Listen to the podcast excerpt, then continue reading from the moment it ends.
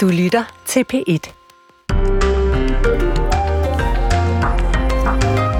Ja, det samme siger vi. Godmorgen, og øh, velkommen til 3 timers P1 Morgen. Din værter den her morgen, det er Søren Carlsen og Bjarne Stensbæk. Og vi, øh, vi skal omkring de tre måneders nu intensive bombardementer i Gaza. Israel har ifølge en fortrolig rapport fra den amerikanske efterretningstjeneste slået omkring 7.500 Hamas-krigere ihjel. Ja, spørgsmålet er, om det er øh, godt eller skidt for krigens udvikling. Israel har nemlig selv vurderet, at Hamas havde mellem 25.000 og 30.000 væbnede krigere. Så hvad betyder det for krigen? Det taler vi om 10 minutter i syv. Krigen har også sat øh, voldsomme spor herhjemme, og derfor forsøger Københavns Kommune sig nu med en handleplan for forebyggelse af ekstremisme. Og der står i den handleplan ret meget om antisemitisme, men ifølge en forsker, der har bladret den her igen, den kommer jo faktisk hvert andet år, handleplanen. Ja, så virker det som om, at kommunen har glemt det stigende, den stigende racisme mod muslimer. Og så øh, talte vi allerede i går om, at øh, Ron DeSantis øh, trak sig fra den republikanske primærvalgkamp i USA, og øh, det betyder, at når der så i dag er primærvalg i New Hampshire, står kampen udelukkende mellem Nikki Haley og Donald Trump. Vi har vores korrespondent med fra New Hampshire om syv minutter, men vi begynder i Randers. Ja, fordi i Randers, hvordan kunne 3 millioner tons jord begynde at skride og true både vandmiljøet og den nærliggende landsby? Forskere fra GEOS har i en ny, eller kan i en ny rapport fortælle, at jordskredet ved Nordic Waste var i gang allerede i 2021.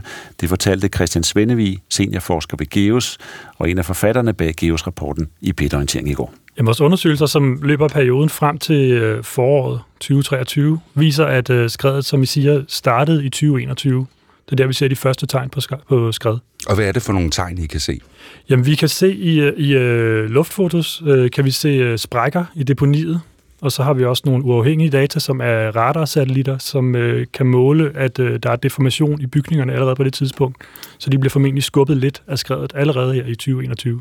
Ja, så Randers Kommune har haft mere end to år til at indhente det langsomme jordskred, men det skete altså ikke. Kommunalforsker Roger Buk, som vi talte med i Pet Morgen i øh, går morges, mener, at kommunen har en grund til at sige mere ja end nej, når store firmaer beder om miljøgodkendelser, fordi det skaber arbejdspladser at have sådan nogle virksomheder i kommunen, og dermed mere økonomi. Han mener, at det fremover bør være regionerne, tidligere der var det amterne, der står for miljøgodkendelserne kommunalpolitikere er jo altid på jagt efter arbejdspladser, og, øh, og, og der er udfordringen i forhold til miljø. Kunne det så betyde, at man gjorde lidt ekstra for øh, at være venlig over for, øh, og for nye virksomheder, eller over for de virksomheder, man allerede har i forhold til miljøgodkendelse, miljøkontrol osv.? Fordi man skal ikke gå rundt som kommunalpolitiker og genere de virksomheder, man har, og mm. kunne det så skabe en uheldig incitamentstruktur, øh, fordi der ikke længere var den der armslængde, som der var med de gamle amter. For amterne var jo ligeglade med, om en miljøvirksomhed lå i den ene eller den anden eller den tredje kommune. Og nu godmorgen til dig, Søren Ikke Rasmussen. Ja, godmorgen. Miljøoverfører fra, fra Enhedslisten, og det var jo Roar Buk, vi her hørte, og du er faktisk enig med ham. Hvorfor? Jamen, man må jo sige, at øh, vi har gentagende gange nogle store sager, hvor en kommune har haft svært ved at håndtere det. Det har vi set med import af spildevand øh, fra Norge. Vi har set det ved noget af det tilsyn med, med havbrug, at hvis øh, en kommune kun har et havbrug, de skal, de skal lave tilsyn med, og der er en kreativ øh, havbrugsejer, som vil overtræde alle regler, så er det svært at styre. Så, så der er en række sager, hvor at enten så skal det over til Miljøstyrelsen, og de har allerede tilsyn med, med 400 virksomheder, eller også skal det over til regionerne. Og jeg er sådan set der, at en del af det, de opgaver kommunerne har nu, og som de har haft siden kommunalreformen, det bør overgå til regionerne, så vi kan varetage miljøets interesser. Ja, og du er jo allerede, Søren Ikke Rasmussen, lidt inde på det, om der er nogle, nogle fortilfælde, hvor man kan sige, hvor du kan sige, at, at kommunerne de har, de har handlet for langsomt. Prøv lige at gå lidt længere ned i de tilfælde, eller de eksempler, som, øh, som, som du nævner. Altså, hvor, hvor, an, hvor andre steder end Randers mener du, at det er gået galt? Jamen, vi kan se med, øh, med importen af, af norsk spildevand, hvor det var Slagelse Kommune, som skulle ligesom håndtere miljøtilsyn og, og lave miljøgodkendelserne. Der, der endte jo med, at vi må konstatere, at noget af spildevandet blev, blev håndteret efter de forkerte regler. Sådan at det ikke var nyttiggørelse af det spildevand, fordi der var for lidt olie i det. Og med hensyn til øh, havbruget øh, i Horsens øh, Fjord, hvor det var Hedensted Kommune, der skulle der skulle administrere det. Der endte det jo i en retssag, hvor at ejeren øh, blev, blev stillet over for et krav om at betale flere hundrede millioner tilbage, fordi han havde overtrådt reglerne. Så, så vi har sådan set nogle, nogle også rimelig aktuelle eksempler. Og nu har vi så Nordic Waste, hvor at, at det er jo ret vildt, at hvis det ender i en, øh, en stor forureningssag, ja, så ender opgaven med tilsynet af det jo i regionerne, fordi de i forvejen har kon- kontrol med nogle store øh, ældre øh, jordforureningssager. Så jeg vil have det rigtig godt med, at der var en armslængde mellem, mellem hvad som siger, den, der skal føre, lave miljøgodkendelserne og lave miljøtilsynet, og så virksomheden. Mm. Og der, der er det, ville det være langt bedre, at det var regionerne, der står for den opgave. Men hvorfor vil det være bedre og mere for forvaltningen om at gøre mere sikkert trygt, at det øh, foregik hos regionerne? Jamen, øh, regionerne vil være ligeglade, som Roger Buch siger, om, om, øh, om en virksomhed ligger på den ene eller den anden side af, af kommunegrænsen. Altså, det er jo rimeligt nok, at vi har nogle virksomheder, som, som kan håndtere forurenet jord. Det skal jo ske på en ansvarlig måde. Og med Nordic Waste har vi jo at gøre med en virksomhed, som har, har hvad skal man sige, deponeret langt mere jord, end den grund kunne holde til. Og så har vi fået det her abnorme jordskred. Og det er jo vildt, når man så bagefter får at vide, at jordskredet har været i gang i flere år.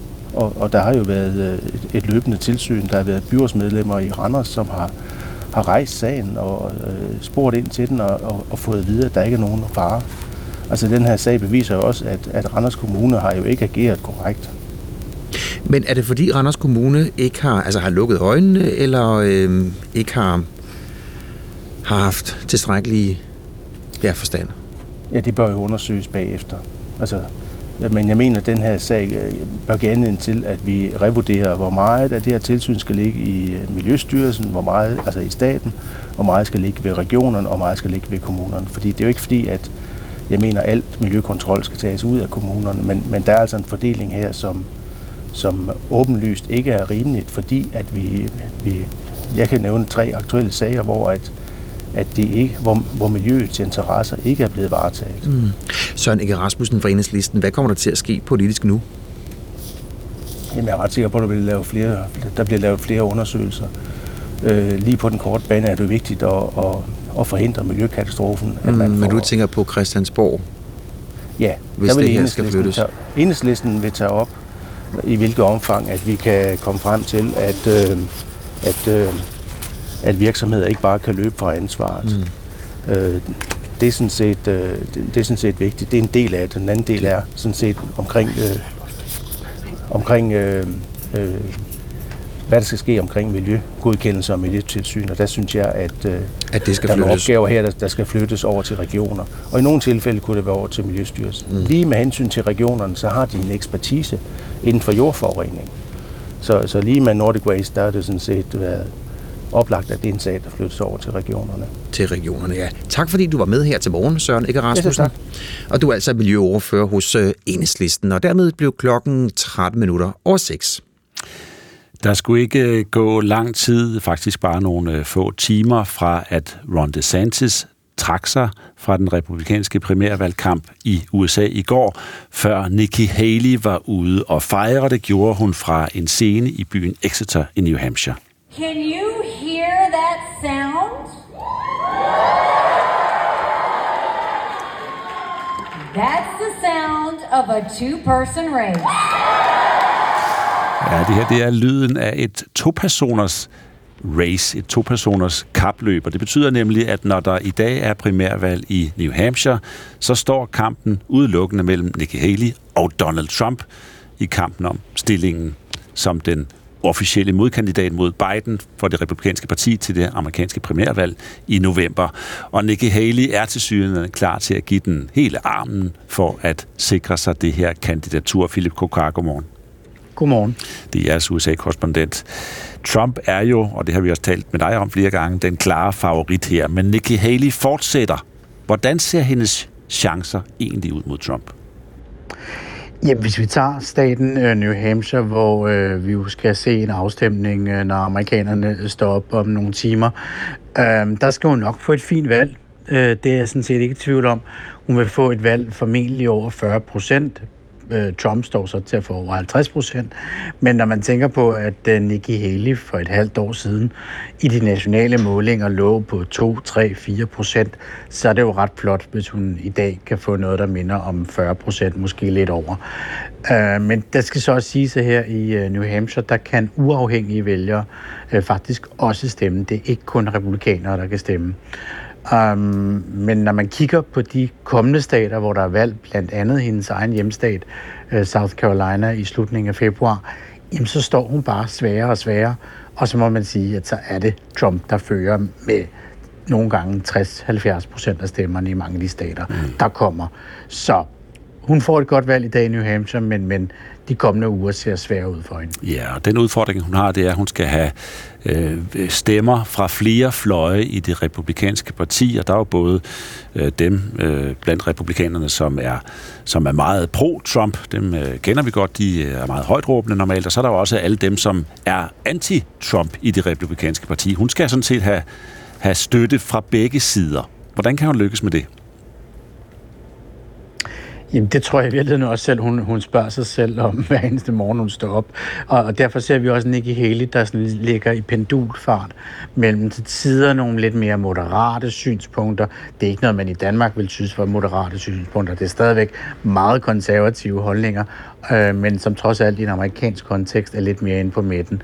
Og så kører hun nogle gange ud øh, på, på nogle meget øh, Øh, højrefløjsagtige argumenter. Øh, og der er hun svært ved til tider at finde ud af, hvor hun egentlig står. Hun, jeg synes, hun står bedst, når hun i virkeligheden laver en klar opposition til Trump. Det er der, hun har medvind. Øh, men, men, men spørgsmålet er, om der simpelthen er stemmer nok til det i, i den amerikanske befolkning. Det er relativt populært i New Hampshire, hvor du udover hele MAGA-folket, altså Make America Great-folket, så har du også mange, som republikanere, som er lidt mere liberale, økonomiske konservative, men som ikke nødvendigvis øh, abonnerer på hele øh, Trumps nationalistiske måde at tænke på. Øhm, så det er noget, der vil vække øh, genklang her i New Hampshire, og hun skal som sagt nok få et fint valg, også selvom Biden er, eller undskyld, Trump selvfølgelig er storfavoritten, men, men det bliver sværere, når hun kommer til flere af de øvrige stater. Ja, hvordan ser kampen mellem de to ud øh, lige i øjeblikket. Nikki Haley, hun har lagt en lidt mere øh, konfrontatorisk linje i forhold til Trump. Hvordan, bliver det, øh, hvordan kommer det til syne? Jamen, hun banker løs på ham i de her dage. Jeg synes, det er meget tydeligt, at øh, nu har hun også taget øh, øh fløjlshandskerne af og, og er mere aggressiv. Hun går efter hans øh, hukommelse, om han i hvert fald, han har også haft nogle fortalelser på det seneste, hvor han har forvekslet hende med Nancy Pelosi, øh, en af de førende demokrater her i landet, og han har også sagt for nylig, at han har vundet et valg over Obama, hvilket han aldrig nogensinde har gjort. Så, så både sådan øh, drilleri omkring hans alder, men også på hans politik. Hun siger, du fik aldrig lukket den grænse til Mexico. Du gældsatte USA endnu mere. Vi ser nogle temmelig hårde angreb, hvor hun i starten af valgkampen, ligesom de øvrige republikanske kandidater, var meget, meget forsigtig med at kritisere Trump, fordi de vidste, at han var stor favoritten til at vinde. Og i dag er det så New Hampshire, du spår, hun skal nok få et pænt resultat øh, derfra. Men hvad skal der til, for hun får et resultat, hun for alvor kan bruge til noget i New Hampshire? Jamen, så skal hun vinde øh, en stat. Altså, man kan ikke blive ved med at blive nummer to øh, øh, og slet ikke når der kun er to kandidater tilbage, så har man tabt på et tidspunkt. Øh, det er sådan, hvis vi kigger den næste måned frem, så er der et valg i Nevada i starten af februar, men det er lidt underligt valg på grund af noget teknik, så der stiller Nikki Haley slet ikke op. Og så kommer man faktisk til hendes egen øh, hjemstat, øh, South Carolina, i slutningen af, af februar. Og medmindre hun helt sensationelt skulle vinde i aften, øh, hvilket der ikke er meget, der indikerer, jamen så skal hun faktisk vinde. South Carolina, sin egen hjemstat. Ellers så vil jeg vurdere, at det er game over. Så kommer man til det, der hedder Super Tuesday i starten af marts, hvor en lang række stater går til, til valg, hvor Trump også spås en, en, en stor sejr i mange af dem. Og så er det officielt forbi. Så kan hun ikke blive ved længere. Nikki Haley har den lille fordel, at hun har nogle meget rige bagmænd, der støtter hende, og de har givet hende penge til, at hun kan føre valgkamp en måned til. Det var i realiteten også derfor, at Ron DeSantis kastede håndklædet i ringen. Han har simpelthen ikke flere penge. Men det har Nikki Haley. Philip Kokar, tak skal du have. det var så lidt. DR's USA-korrespondent. Klokken er nu 20 minutter over 6. Ja, vi skal i gang med øh, dagens aviser. Jeg har taget ja, forsiden af både politikken og Berlingske, og det er fordi, det er som om, at øh, historien omkring Randers er ved at få en, en drejning. Nu har det jo de seneste par dage meget handlet om øh, milliardæren Torben Østergaard Nielsen. 42 milliarder kroner skulle han efter sine være, være god for. Så hvorfor er han ikke med til at, at rydde op? Løber han for regningen? Både Berlingske og politikken sætter nu i stedet fokus på Randers Kommune, og det foregår sådan her. Berlingske Randers Kommune afviste advarsler om miljøkatastrofe. Og i politikken, ja, der går det faktisk endnu hårdere til den. Den går sådan her. Randers Kommune har snork sovet. Og det hele baserer sig jo på GEUS, og GEUS har jo med undersøgelser i en ny rapport konkluderet, det her, det begyndte faktisk helt tilbage i 2021. Det vil sige, at Randers Kommune... Det vidste Randers Kommune godt. Ja, i hvert fald har man der kunnet se, at der var et langsomt jordskred i gang. Så Randers Kommune har haft to år til at indhente et langsomt jordskred, men det er altså ikke lykkedes for den. Øh, GEUS er ikke i tvivl om, at det her, det var åbenlyst ikke nødvendigvis, at det måske ville ende så galt, men at jordskred var i gang. Og øh, det har jo også været øh, en stor debat i, øh, i kommunen, hvor flere forskellige byrådsmedlemmer henvendte sig til øh, forvaltningen, blandt andet SF's Bjarne Overgaard, og han betegner de svar, som de fik fra, øh, forvaltningen fra borgmesteren som idealiserende og udenhold i virkeligheden. Politikken, de, det lykkedes dem at få en, en kommentar fra kommunaldirektøren Jesper Kås Schmidt, og øh, han bliver spurgt, er der slet ikke noget i det her, du fortryder? Der svarer han, nej, det er der egentlig ikke. Mm. Politikken og Berlingske. Øh, inflationskampen, er den vundet? Hvornår bliver den vundet?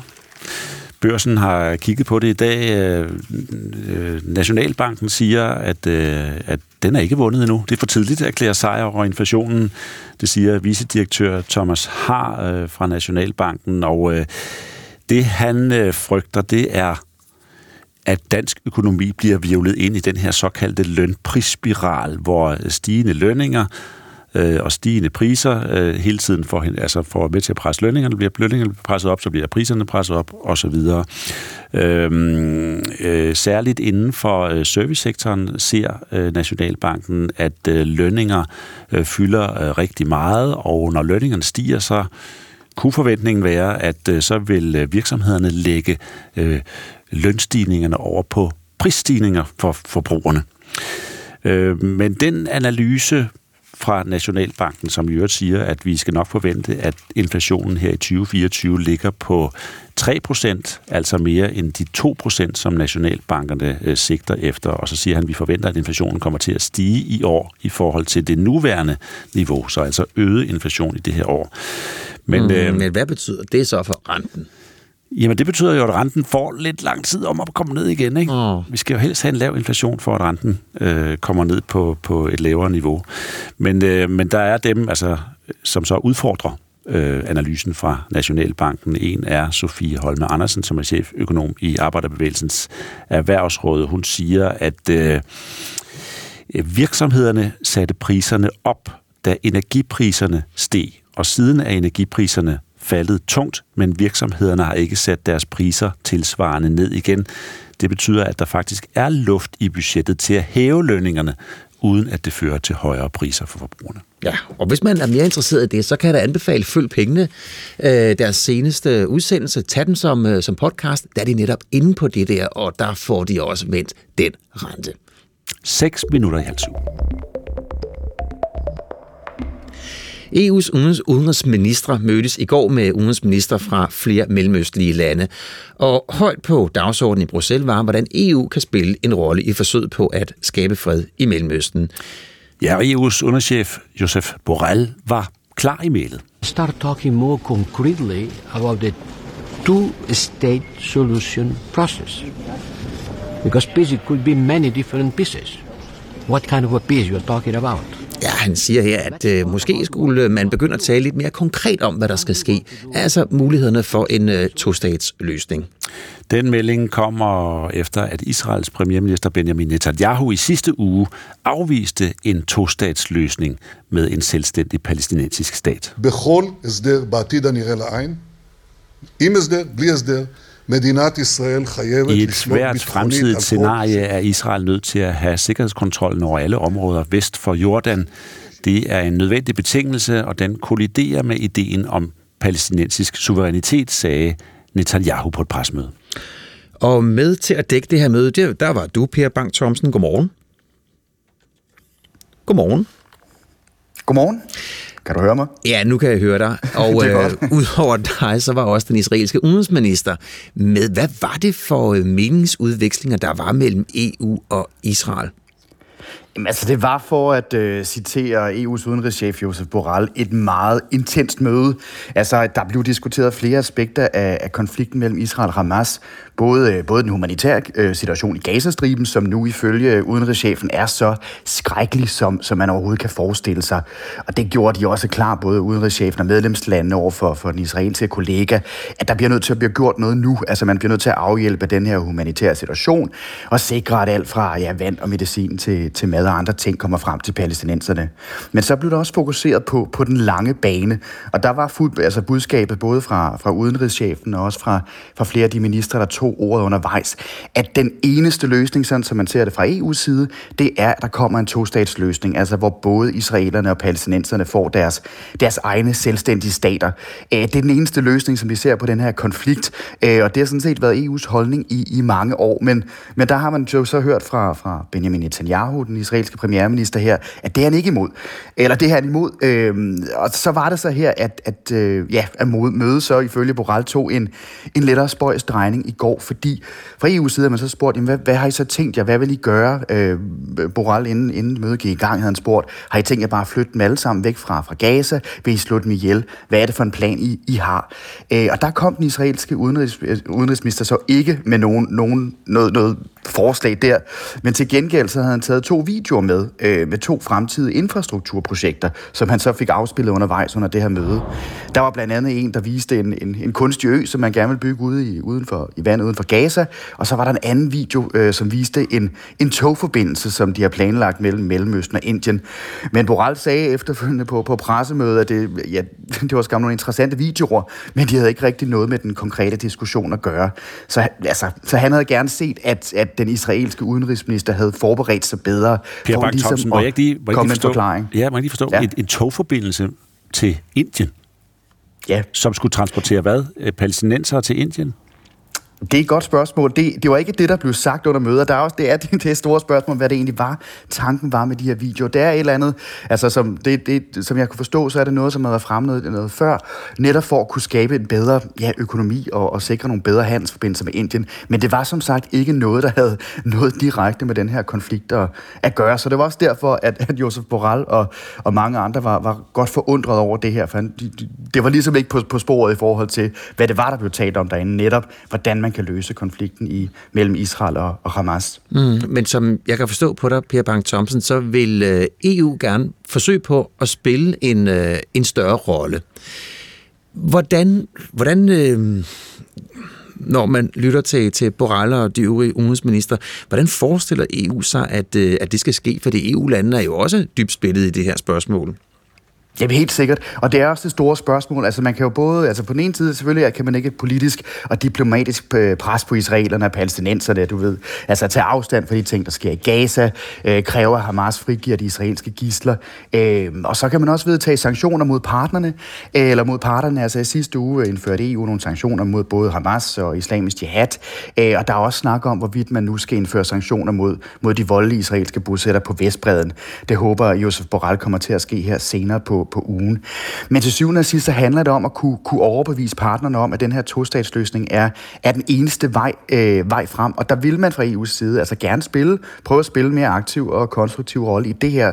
Øh, at lægge fundamentet. Man ved godt, det ikke kommer til at ske nu og her, men, men lægge selve fundamentet øh, til en, en, mulig, en mulig plan for, for at kunne lave en tostatsløsning. Altså EU har udarbejdet en plan, der bliver talt om, at der skal afholdes en fredskonference, men Borrell han, han erkendte også blankt i går på, på pressemødet efterfølgende, at, at, at det bliver svært øh, det bliver svært at afholde for eksempel en pressekonference, hvis Israel ikke vil deltage. Og indtil videre har de ikke givet nogen tilsavn om, at, øh, øh at, at de vil, vil gøre det. Men, men som sagde, det skal ikke afholde de andre lande fra at, øh, fra at diskutere det. Mm. Lytter øh, Israel til EU? Jamen, det er, det er det gode. Det er også det gode spørgsmål. Altså, man, man, man føler selv, at man har en, en fin dialog med israelerne fortsat. Øh, og fra EU's side har man også, øh, lige siden at, at, at krisen brød ud, at krigen brød ud, støttet israelerne og sagt, at man gerne de har ret til at forsvare sig, selvfølgelig inden for, for den humanitære ret og for folkeretten. Så man føler, at man har en god dialog med israelerne. Man føler også samtidig, at man har en, en god dialog med, med, med palæstinenserne øh, og også de andre lande i, i Mellemøsten.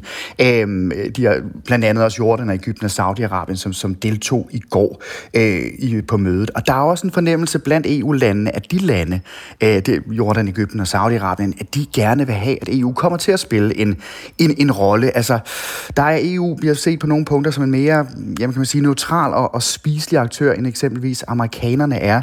Øh, og vi er allerede, altså EU er engageret i, i, i, i, i Gaza. Vi har blandt andet en grænsemission ved, ved grænseovergang mellem Ægypten og Gaza. Vi er den største donor af bistand til de palæstinensiske områder. Så vi har noget ligesom at, at, at, at, at, at kunne bruge i den forbindelse.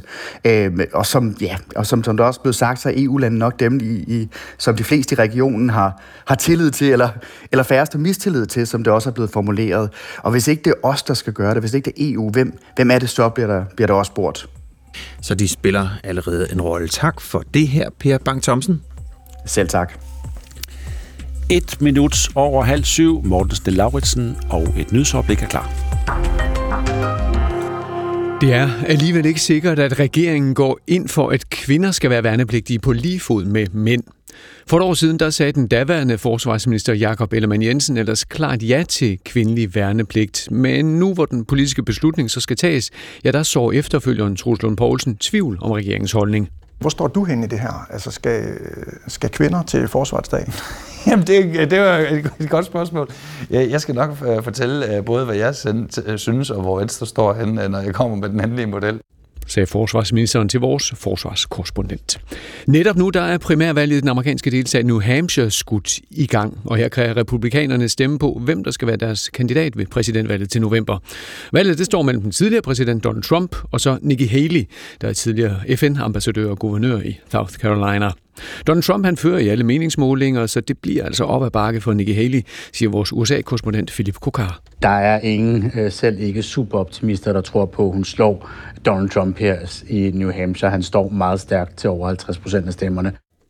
I de kommende år der skal skoleelever i hovedstaden undervises i at forholde sig kritisk til propaganda og ekstremistiske grupper på nettet. Det er en del af en ny handlingsplan mod radikalisering, som Københavns Kommune vedtog i går. Der er nemlig en stigende tendens til, at de unge de forsøger at blive rekrutteret online, siger beskæftigelse- og integrationsborgmester Jens Christian Lytken. Det er faktisk en væsentlig del af det her, at hjælpe de helt unge til ligesom at øh, blive beskyttet mod øh, de, de, øh, den form for ekstremisme, som bliver spredt på nettet og på sociale medier. Vi får lidt eller nogen sol i dag, men også enkelte spredte byer. Sidst på dagen der bliver det så noget mere tørt og skyde i den vestlige del af landet. Mellem 5 og 7 grader og jævn til hård vind fra sydvest og vest. Bjarne Stensbæk og Søren Carlsen, så springer vi til det afrikanske kontinent. Ja, for i Afrika der er malaria en sygdom, som hvert år dræber et meget stort antal mennesker. Men nu tager Kamerun et vigtigt skridt i kampen mod øh, sygdommen og lancerer verdens første vaccinationsprogram mod malaria. Og det er gode nyheder for det vestafrikanske land, hvor malaria er den tredje største dræber blandt børnene. Og på hele kontinentet, ja, der mister over en halv million børn hvert år livet til den her sygdom. Godmorgen, Flemming Conradsen. Godmorgen. Professor i global sundhed ved øh, Københavns Universitet. Hvor stor en nyhed er det her for den globale kamp mod malaria, altså at Kamerun begynder et decideret vaccinationsprogram? Det er et meget stort skridt fremad. Øh, der har været arbejdet på malaria-vacciner i op mod 40 år, og det i går var simpelthen dagen, hvor man i stor skala udruller det som en del af børnevaccinationsprogrammet i det første land i Afrika. Så det er, det er, en meget, det er et meget stort skridt for folkesundheden. Hvor gode er de her vacciner? Ja, de er desværre ikke super gode. Øh, det er det bedste, vi har, og de øh, kan reducere, forventer man, i de fire lande, hvor man allerede har afprøvet det mindre skala, antallet af dødsfald blandt børn med omkring en tredjedel. I den virkelige verden nok tættere på en fjerdedel. Men fordi der er så mange børn, der får malaria, så er det stadigvæk i antal en stor reduktion i død. Ja, fordi hvis det kun reducerer øh, dødeligheden, siger du, til øh, øh, med en tredjedel, måske øh, kun med en fjerdedel, er det så godt nok, at vaccinen ikke virker på flere? Nej, det har der også været meget diskussion om. Skulle man lancere den her nu, vil det underminere tilliden til den, altså malaria-vacciner og måske vacciner mere generelt, men skal stadigvæk opretholde alle de andre malaria-kontroltiltag. Så selvfølgelig har der været diskussioner, både økonomisk og alt muligt andet, om, om det var en god idé. Men man har simpelthen fra WHO's side, Verdenssundhedsorganisationens side, besluttet, at, at vi kan ikke have et øh, effektivt værktøj, altså semi-effektivt værktøj liggende i skuffen, og ikke benytte det, når vi ved, at det kan reducere dødsfald øh, med omkring en fjerdedel eller en tredjedel blandt de børn, der får malaria i Afrika. Mm, så du siger, Flemming Konradsen, der er et, et men, et stort men. Men hvad vil det her betyde for kampen mod malaria, at man begynder på det her initiativ i Kamerun? Ja, det der sker som baggrund øh, også for beslutningen, det er, at mange af de midler, vi bruger til at kontrollere myggen, at myggen bliver modstandsdygtig over for de kemikalier, vi bruger, både myggenet og dem, vi bruger til at sprøjte den med. Parasitten, altså malaria-parasitten, bliver også modstandsdygtig over for den medicin, vi bruger til at behandle med.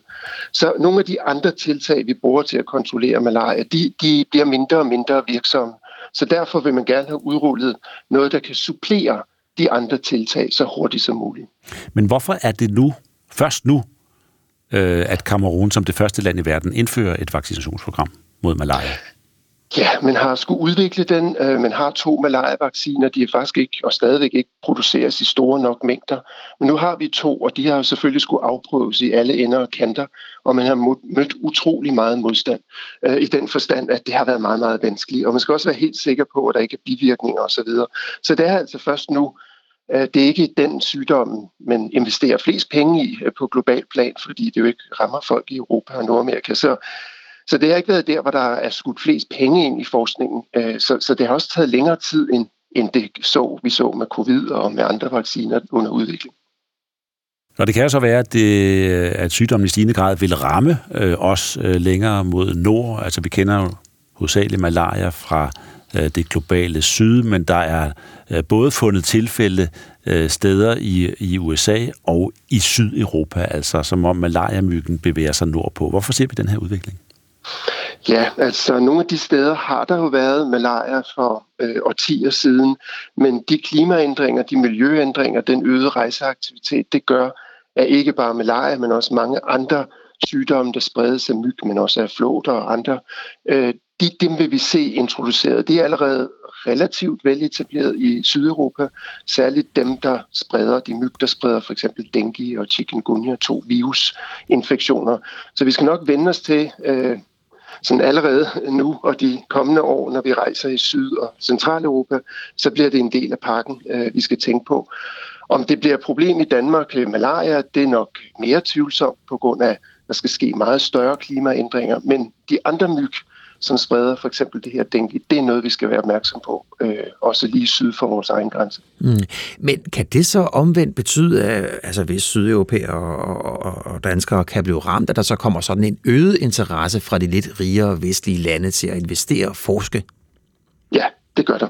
Så man kan sige, at den eneste gode nyhed ved de her klimaændringer, som spreder de her sygdomme, vi nu taler om, det er, at nu bliver der begyndt at poste rigtig mange penge ind i for eksempel, at de udviklede dengue-vacciner og nogle af de andre, vi normalt kender som tropesygdomme og subtropiske sygdomme, dem, dem er der kommet en meget større interesse for. Nu er der et kommersielt marked, nogle indkøbere, så det har helt klart øget interessen i at forske og udvikle inden for de sygdomme, som før ikke var så højt på listen.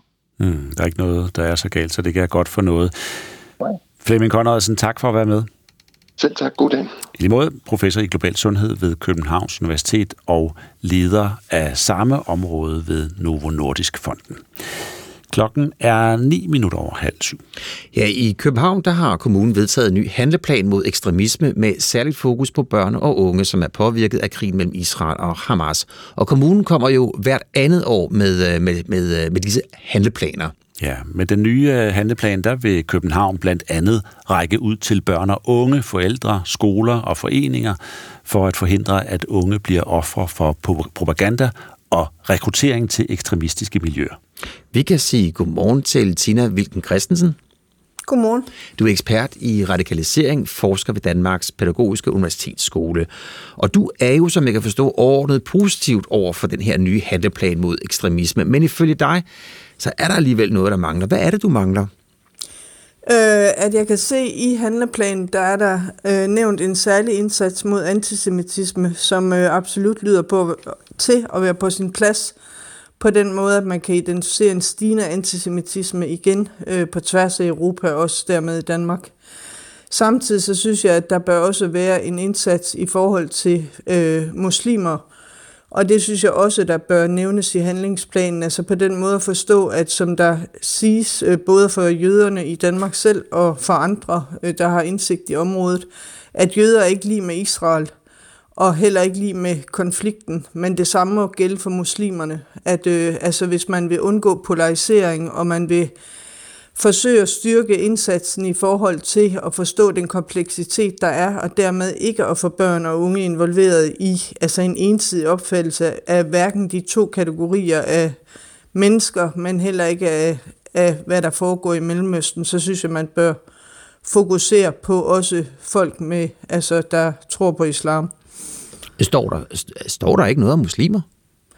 Altså, der står jo nævnt, at man samarbejder med moskéer, men det er så igen, altså, at det gøres øh, sammen med andre kommunale fagområder, og herunder i forhold til negativ social kontrol og diskrimination og integration med videre, men altså, det er, det er mere sådan en øh, bisætning, kan man sige, øh, mens det andet er en særlig indsats eller et særligt fokusområde. Mm, antisemitisme. Men hvad er det så, du mere præcist mangler, når vi, øh, når vi taler om muslimer?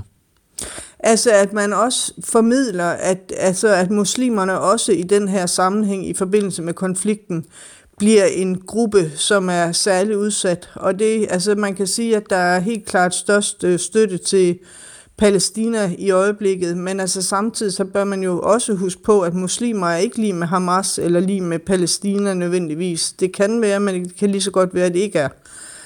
Så jeg synes, at man bør have en indsats, der fokuserer på både og, for dermed også at være sikker på, at den handlingsplan ikke på en måde kommer med til at polarisere måske, ja, øh, frem for at bygge bro. Ja, hvordan kan den polarisere ved, at, øh, at palæstinenser ikke er nævnt så eksplicit som, som jøderne?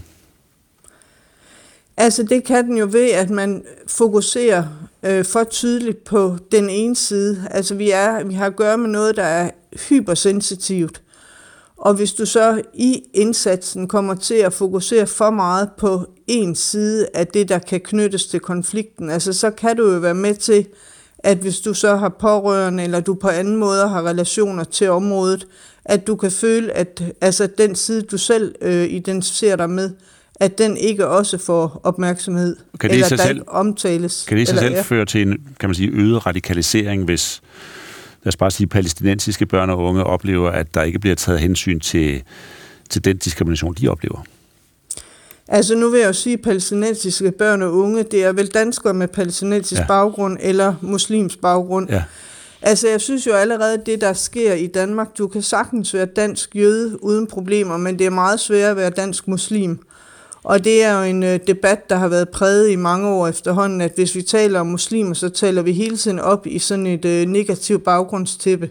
Men, men, men, men, men man kan vel ikke kalde det sværere at være muslim i Danmark end jøde, når vi ser på, hvordan jødiske institutioner er udsat for, for terrortrusler og skal have, ikke, at det er have, have Jeg siger bare, at, øh, altså, at jeg synes, det er meget vigtigt at huske, at der er to sider og der er to typer kategorier af befolkningen, og derigennem er det meget vigtigt i sådan en indsats her at, altså, at have et brobyggende sigte. Jeg mm. siger hverken, at der ikke er øh, en stigende antisemitisme, for det er der, øh, men bare at man husker på, at der er altså, at der er behov måske for at have et særligt fokus på at bygge bro. Mm, så det er begge sider, du her mener, man skal have øh, for.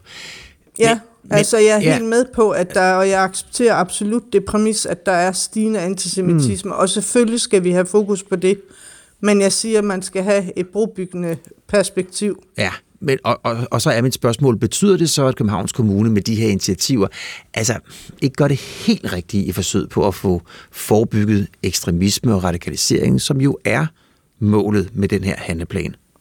Jeg synes, der er rigtig mange gode ting i planen, helt klart. Og det her, det er, øh, altså, ja, det er bare en opfordring.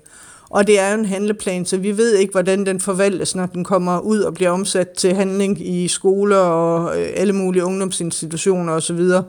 Eller der, hvor unge og børn færdes. Altså, det er, og det er jo bare at sige, at det er yderst vigtigt, at man har netop det fokus her.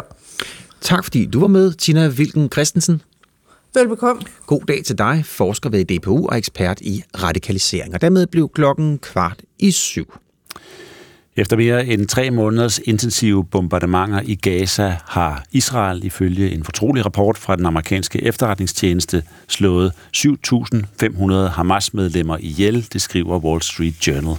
Ja, Israel vurderer dog tallet noget højere. Det vurderer det til at være omkring 10.000. Før krigen begyndte den 7. oktober sidste år, ja, der vurderede Israel, at Hamas de havde mellem 25.000 og 30.000 væbnede krigere.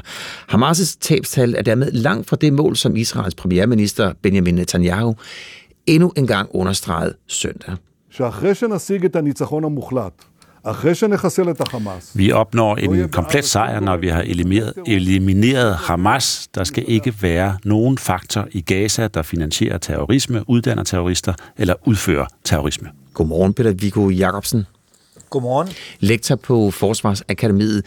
Med de her oplysninger, med de her tal, hvor langt er Israel så fra at nå deres erklærede mål? Ja, det er jo et godt spørgsmål, og de er jo nok ikke nået helt så langt, som de godt selv kunne tænke sig. Men når det så er sagt, så skal man altså også passe på med bare at tælle antal af soldater og sætte lighedstegn imellem det her kampevne. Det var jo for eksempel det, som stort set alle vestlige øh, analytikere, inklusive mig selv, gjorde forud for Ruslands invasion af Ukraine. Der kunne man se, at Rusland var enormt øh, overlegen rent talmæssigt, og så regnede man med, at de også ville vinde, kni, vinde krigen hurtigt. Men det gjorde de jo som sagt ikke. Så det handler jo også om, hvor meget at Israel ved med deres massive angreb har fået ødelagt Hamas' kampevne. Hvis de ikke længere har særlig mange ledere, hvis de ikke kan kommunikere, koordinere og synkronisere den måde, de kæmper på, så det bliver effektivt, ja, så kan Israel godt have skruet kraftigt ned for deres evne til at kæmpe her og nu. Men det siger selvfølgelig sig selv, at når der er så mange Hamas-krigere tilbage, ja, så kan man også reorganisere dem og få dem til at kæmpe igen på et, på et senere tidspunkt. Ja, hvordan lyder din vurdering? Altså, hvor, hvor meget er Hamas svækket? Jamen, jeg kan ikke give dig et, et rigtig godt bud på det, fordi det vil kræve, at du har indsigt i, hvem, hvad, det er for en, øh, hvad det er for nogen, der er blevet slået ihjel. Der har været nogle rapporter om, at der er blevet slået mange øh, kommandører og mellemledere ihjel, dem der ligesom binder det hele sammen. Øh, og hvis de også har fået ødelagt deres evne til at, at flytte sig rundt, for eksempel ved at smadre nogle af journalerne, og også til at kommunikere, ja, så er de jo ikke længere i stand til at være effektive. Og vi har jo set, at der har været en nedgang i antallet af af angreb på de, på de israelske soldater, og at Hamas ikke er lige så uh, god til at slå tilbage, som de var i starten af krigen. Så, så der, er, der, er, øh, der, der er jo nok øh, noget af kampevnen, der er ødelagt, men jeg vil øh, være forsigtig med at være alt for optimistisk på israelernes vegne. Mm. Men når nu vi ser, at Israel har sat sig på hele Gaza, at, at der stort set ikke står én bygning tilbage, altså hvor meget militær kampkraft har Hamas så tilbage? Det kommer an på, hvad Hamas' militære strategi har været. Hvis den har været at holde nogle styrker i baghånden, fordi man udmærket godt vidste, at man ikke ville kunne klare sig konventionelt, og at det ville ende med det, det er endt med på nuværende tidspunkt, så kan de jo godt have en, en anden bølge, der venter, indtil at øh, støvet har lagt sig lidt, og Israel trækker nogle af deres styrker ud, for at de så vil begynde at bruge guerillataktik i stedet for at lave vejsidebomber, lave bagholdsangreb og den slags, som man ser, øh, når man begynder at bekæmpe bekæmpe en besættelsesmagt. Lidt, lidt ligesom man øh, så det under besættelsen i Danmark. Så derfor synes jeg, det er for tidligt at sige, hvor meget Hamas stadigvæk vil være i stand til at bide fra sig, også når vi går ind i det, som Israel, de vil se som en besættelsesfase, om, og som Israel kalder næste fase af krigen. Vi er simpelthen nødt til at se, hvordan intensiteten bliver i kampene fremadrettet. Og der tror jeg altså ikke, at israelerne skal glæde sig for tidligt. Nej, og så kan man jo se, at det bliver sådan øh, udlagt som, som begrænset militær succes for, for Israel. Er det en, øh, en færre udlægning? Ja, det vil jeg jo. Altså, det kommer jo igen an på, hvordan du, du, du, du måler succes. Der er jo rigtig mange, der vil pege på, at med alle med de enorme tabstal, vi har set med over 25.000 døde, så er, det, så er det svært at tale om succes. Men fra israelsk optik, hvis deres militære indsats har betydet, at, at der nu ikke længere kan skydes raketter ind over Israel, at der ikke længere kommer angreb imod Israel, ja, så vil man jo se det som en, som en militær succes. Men det store spørgsmål er jo så, om man kan veksle det til en politisk succes, at man kan gå fra øh, den nuværende situation til en, en, en, en politisk løsning, og det ser jeg simpelthen ingen udsigt til. Man kan godt argumentere for, at Israel måske har vundet den her fase af krigen, men det er svært at se, at det bliver vekslet til en, til en bæredygtig fred, hvor der ikke igen på et tidspunkt vil komme nye angreb imod Israel. Mm, og så er der så udsigterne til, øh, til fred, en afslutning på den her krig. Med de tal, der er fremme her, vil du så sige, Peter Viggo, så har det lange udsigter. Der kommer ikke nogen fred i Israel. Altså, der er jo ingen, der har en idé om, hvordan en, en fred skal se ud. Vi har nogle vestlige ledere, der stadigvæk taler om en tostatsløsning. Det gør man også her i Danmark. Men det er jo fordi, man ikke kan finde på andet at sige. En hver, der har beskæftiget sig med den her konflikt, har jo godt kunne se, at tostatsløsningen ikke har haft nogen gang på jorden øh, de, sidste, de sidste 20 år. Og selvom vi nu har en Netanyahu, der siger, at han ikke gider det, ja, så vidste man det jo godt, hvis man havde sat sig ind i, te, i tingene. Så det, han nu har sagt, det ændrer jo ikke noget. Og vi ser jo heller ikke nogen gå ind og prøve at sanktionere Israel eller lægge pres på dem for at få dem til at ændre øh, politisk adfærd. Vi har EU, der nu snakker om at gøre noget ved bosætterne, øh, bosætterne, men der er ikke nogen, der går ind og prøver at lægge pres direkte på den israelske øh, ledelse med henblik på at få den til at ændre politik. Og hvilken betydning vil det her manglende pres på Israel få på krigens udvikling, tror du? Ja, det er, jo, det er jo et godt spørgsmål, fordi det afhænger jo i sidste instans af, hvad israelerne selv vil. Og når der på et tidspunkt kommer et valg, så må vi jo se, hvem der så kommer til magten. De fleste analytikere peger på, at så er det nok slut med Netanyahu. Men det er jo ikke det samme som, at der ikke stadigvæk vil være nogen i Israel, der vil modarbejde en, en tostatsløsning, som vi har set siden Rabin blev slået ihjel af en fanatisk israelsk bosætter tilbage i, i, i 90'erne. Så jeg har meget svært til at se, at der skal ske en så stor omkalfatring. Ikke bare af af øh, den israelske ledelse og den israelske befolkning, men også på, i den palæstinensiske lejr. Og begge parter skal jo være indstillet på at give nogle indrømmelser og finde en måde at leve fredeligt sammen på. Og det er der ikke noget, der tyder på på nuværende tidspunkt. Men det, du det vil forudsætte et meget hårdt pres på Israel. Det vil forudsætte, at, at, at Hezbollah og Iran også synes, det er en god idé. Og det er der altså ikke udsigt til på nuværende tidspunkt, desværre. Og det, du siger, i virkeligheden, konsekvensen af det, du siger, må vel være, at krigen først stopper, når den ene part har lidt et ultimativt nederlag? Jamen det kommer jo ikke til at ske, fordi som vi allerede har set nu med de tal, som I, I, vi, vi taler om med den her øh, historie, så er der jo stadigvæk mange Hamas-krigere tilbage, og der er også blevet stabt et, et stort had imod Israel som følge af den her øh, krig, som vil generere nye øh, unge mænd, der er villige til at kæmpe for, for deres frihed og en bedre, bedre fremtid. Så det her kommer bare til at betyde, at krigen fortsætter. Jeg plejer at sige, at alle krige stopper lige bortset fra krigen mellem Israel og Palæstina, og at der ikke er nogen der kommer til at opleve enden på den. Og jeg ser stadigvæk ikke, at den forudsigelse har ændret sig. Alle krige stopper bortset for den her. Ja. Det var din analyse, Peter Viggo Jacobsen. Det er rigtigt, og den, den, den, jeg kan desværre ikke se, at der, der er noget, der er ved at ændre sig. Man, man kan nogle gange håbe på, at når der sker et så grimt chok, som den her krig har mm. skabt på begge sider med de store dødsfald, at det så får nogen til at ændre, at erkende, at vi er nødt til at prøve at gøre noget helt nyt. Men jeg synes ikke, det ser ud som om, at den erkendelse bundfælder sig hos israelerne. Jeg synes, det er for tidligt at sige, hvad der sker på det palæstinensiske område, men det vil jo også kræve, at den palæstinensiske autoritet forsvinder, at der kommer en ny generation af ledere til, og det synes jeg ikke umiddelbart, der er udsigt til, at det vil mm. ske. Så derfor er det svært at se, hvordan man kommer videre fra det, vi har. Vi har stort set oplevet en kontinuerlig lavintensitetskonflikt imellem Hamas og Israel siden 2006, og jeg synes, det ser svært ud med hensigt på helt at fjerne Hamas. Og selv hvis man forestiller sig, at det skulle lykkes, ja, så vil der sandsynligvis komme andre militante grupper, der vil føre kampen videre, fordi den palæstinensiske situation er så umulig. Tak for det her, Peter Viggo Jacobsen. Selv tak. Lektor på Forsvarsakademiet. Og sådan blev klokken 6 minutter i syv.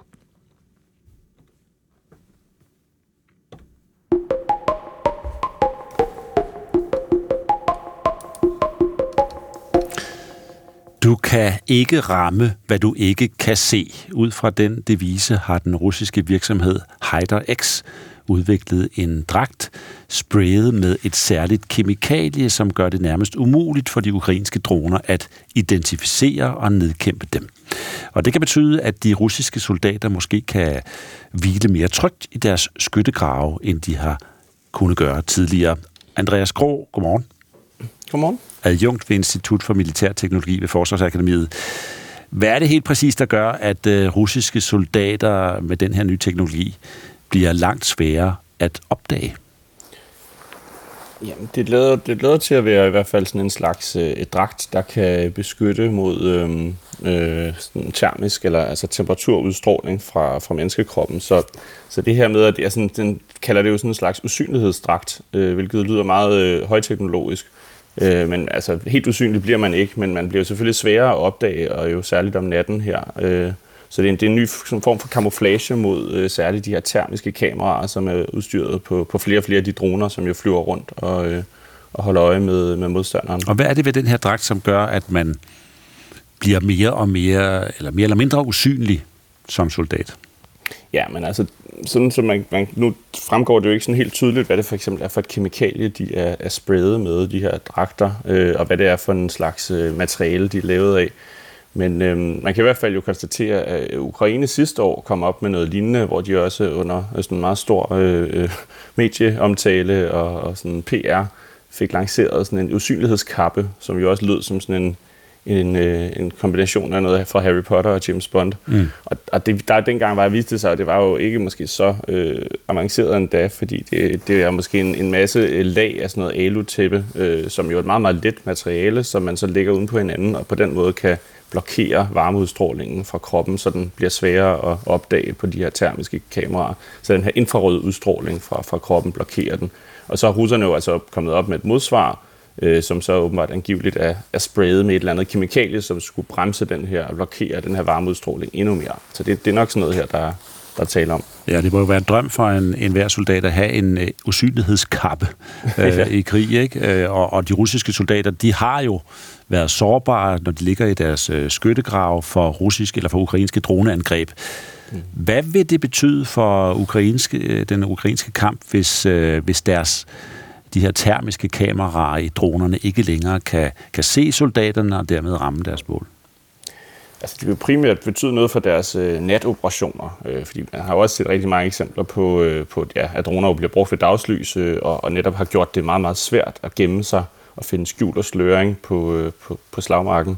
Og selv, øh, selvom man taler om den her skyttegravskrig, fra, øh, som minder om noget fra, fra Første Verdenskrig, så ser vi jo stadig de her billeder af, af, af droner, som jo i, i massevis bliver sendt ind øh, og, og ind over de her, de her skyttegrave og, og smider øh, øh, granater og øh, bomber ned øh, i hovedet på dem, der ligger i, i, i de her skyttegrave. Så, så det, altså det, den, den del vil det jo ikke beskytte mod øh, formentlig, men altså det at kunne operere om natten øh, us, mere udset, øh, kan jo betyde, at det for eksempel er nemmere for russiske specialoperationsstyrker og i det hele taget sådan nogle specialenheder, som, øh, som rykker frem om natten, at det er sværere for dem at blive opdaget. Og det samme gælder jo så, at for for ukrainske øh, specialstyrker for eksempel, som også øh, rykker ind og længere ind i, i det, det fjendtlige territorie, lidt mere dybt ind, at det kan være sværere for dem så også at opdage, hvor er der øh, mulige øh, øh fare på fære og trusler, øh, ved at selvom de sender de her øh, små droner med termiske kameraer op, så kan de altså ikke være sikre på, at de kan se alt, hvad der, hvad der gemmer sig. Mm, så selvfølgelig en stor fordel at pludselig at blive usynlig, men er det, er det, er det så stor en, en, en, en ting, at det kan komme til at påvirke krigen i Ukraine? Nej, jeg tror ikke, at det, det som sådan kan komme til at påvirke så forfærdeligt meget. Det her, det er jo bare endnu en af, af de her, den her konstante øh, omstillingsprocesser, som, øh, som begge parter hele tiden er i gang med. Altså øh, de her nye våbenarter, nye overvågningsteknologier, kalder på nye kamuflageformer.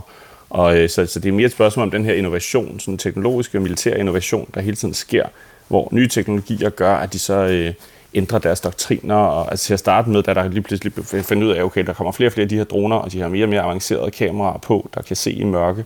Så det første, man gjorde, det var at have nogle af de her sådan helt simple øh, varme, altså alutæpper, varmetæpper, og så kunne man høre, der kom en drone, lagde man sig ned og spændte den ud over sig. Øh, nu finder man så måder at, at, at, at lave de her øh, uniform, altså moderne øh, uniformer på, som er lavet af materialer, sådan så, så man bedre kan have en større mobilitet og bedre kan bevæge sig rundt og samtidig beskytte sig. Øh, men, men altså, om det, det ligefrem kommer til at ændre noget i krigen som sådan, andet end at det her det er bare endnu et led i forhold til hele tiden at skulle, skulle, øh, skulle tilpasse sig øh, ny, den, den, de trusler, der er, og, og falde i et med omgivelserne så, så, så godt som muligt. Ja, man kan jo sige, at øh, krigen øh, på mange måder også er en, øh, et teknologisk øh, kapløb, og det her det er så bare øh, et eksempel på, hvor de, de to nationer de konkurrerer. Tak skal du have, Andreas Grå. Ja, selv tak. Adjunkt ved Institut for Militær Teknologi ved Forsvarsakademiet. Hvis man er 25 år og på vej ud på arbejdsmarkedet, så er der lang tid til, at man endelig kan gå på pension som 74-årig. Men når pensionsalderen stiger, så har vi også længere tid til at spare op, og det betyder, at flere i fremtiden vil få råd til at trække sig tilbage, før det ellers var meningen. Og det kan blive det rene kviksand under økonomien, lød advarslen i børsen i går. Ja, vi taler med en, som valgte at gå på selvpensionering. Ja, det er det nye ord, selvpensionering. Og det gjorde hun flere år før hun nåede folkepensionsalderen, for det havde hun nemlig råd til. Hør hendes historie cirka kvart over syv, og så stiller vi også spørgsmålet, om vi skal indføre kvindelig værnepligt. Ja, den debat er igen blevet aktuel efter, at forsvarsministeren har sagt, at der er opstået uenighed i forligskredsen her, før forhandlingerne om en ny værnepligtsmodel går i gang.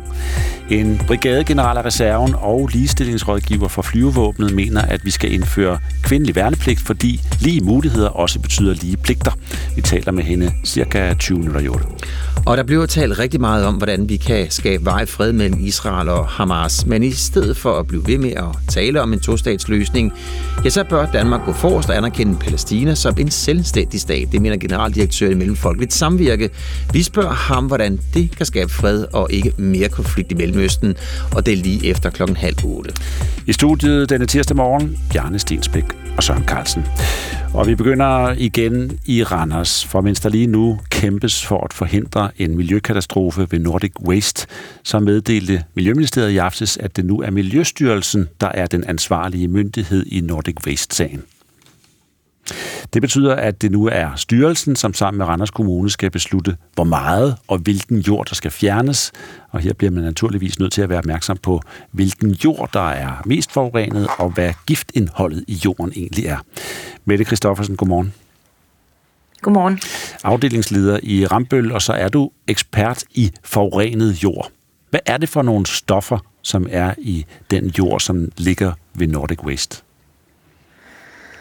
Altså, de har jo modtaget mange forskellige jordtyper og med mange forskellige øh, forureningskomponenter i, og man kan se med, med årene, så har de fået lov til at modtage meget, meget øh, forskellige affald også. Men hovedparten af det, de har liggende op hos, og det er lettere forurenet jord, som vil være forurenet med øh, oliestoffer, tjærestoffer og nogle tungmetaller. Ja, så ligger der også noget, noget jord fra nogle opgravede mink. Hvor farligt er det? Det gør der også, ja. Ja. Ja. Øh, og det er jo også jord, øh, som er lettere forurenet i den kategori, ellers har de ikke haft lov til at modtage det. Men det er så med nogle lidt andre stoffer, som, som ikke er så gængse. Øh, så, øh, så, så det er en lidt, lidt anderledes forureningstype, der er der. Øh. Men hvis du ser på det generelt, hvor farlige er de stoffer så, som er i det her Nordic Waste-bjerg? Altså i Danmark, der har vi, øh, der har vi et øh, jordkvalitetskriterie, som er ligesom et kriterie, når vi siger, at de her miljøfremmede stoffer, når koncentrationen af dem er under det kriterie, så betragter vi jorden som ren. Øh, så har vi et mellemliggende kriterie, som går mellem øh, jordkvalitetskriteriet og afskæringskriteriet, hvor det så bliver kategoriseret som lettere forurenet. Og så over det kriterie, så bliver det rigtig forurenet. Og det jord, vi har ude på Nordic Waste, det øh, bør alt sammen ligge i den kategori, der hedder lettere forurenet. Mm. Og hvor farligt er det? Jamen, er det, det sådan, ikke, kan man, kan, man, kan, man, kan man røre ved det? Kan man, øh, kan man arbejde med uden øh, risiko for sin sundhed, for eksempel? Nej, altså, det anbefales ikke, at man, der skal være, man skal ikke have kontakt med den jord. Øh, man skal sørge for, at øh, altså hvis, hvis man har hvis man får lavet sådan en undersøgelse derhjemme i din øh, parcelhushave, du bor midt i en, en ældre bymidte, øh, og du får får ud af, at, at jorden er lettere forurenet, så vil du få øh, nogle krav om, at du skal vaske dine hænder, når du har været udenfor. Du skal bruge forskellige sko indenfor og udenfor. Øh, du skal ikke øh, dyrke øh, grøntsager direkte i jorden. Øh, du skal øh, øh sørge for, at dine børn ikke øh, kommer i direkte kontakt med den her jord. Så, så der er nogle, nogle gode råd om, hvordan man skal forholde sig til de her øh, lettere forurenede jorder. Øh, det er jo derfor, de, vi, ja. vi har, øh, har den her kategori. Ja. Hvor stor en skade kan, kan, kan jord som det her gøre på miljøet? For eksempel, hvis det siver ud øh, i Allingå.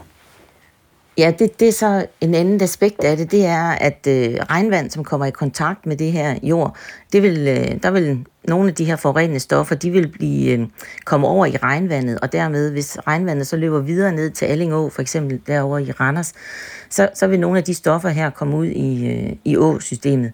Og for nogle af de her stoffer, der, der er der nogle af de dyr og planter, som er i, i åen, som er mere følsom faktisk, end vi mennesker er. Øh, så kriterierne er lavere øh, over for åen, end de er øh, for mennesker. Øh, så hvis åen skal bevare sit, øh, sit naturlige fauna, øh, og dyreliv, så, øh, så er det et andet sæt kriterier. Nogle af andre, nogle andre af stofferne, der kan de tåle mere, end, end vi kan. Mm. Øh, så der er forskel på, på mennesker og planter. Så alene det, at det regner, vil kunne få giftstofferne til at løbe ned i åen, selvom jorden ikke gør det? Ja, altså hvis der har været kontakt mellem regnvandet og jorden, øh, så, øh, så, så vil nogle af stofferne, de, vil, øh, de er vandopløselige, så de vil gå over i, i, i vandfasen, så at sige, og så kan blive transporteret videre med ned mod åen. Og det er jo derfor, at kommunen også gør sig så store anstrengelser for at, at beskytte åen. Øh, fordi det var det her overfladevand, der kommer masser af regnvand lige i øjeblikket, øh, som, som, som de prøver at håndtere med, med forskellige former for opbevaring øh, i bassiner og pump væk osv. Og Mette Christoffersen, det, jorden det blev i øjeblikket flyttet alle mulige steder hen. Blandt andet blev det brugt som støjvolde omkring Silkeborg, kan jeg forstå. Kan man, kan man gøre det uden risiko? Det kan man. Altså, vi, vi har et, et godt system øh, til, at man skal have sådan en miljøgodkendelse for at lave for eksempel sådan en støjvold.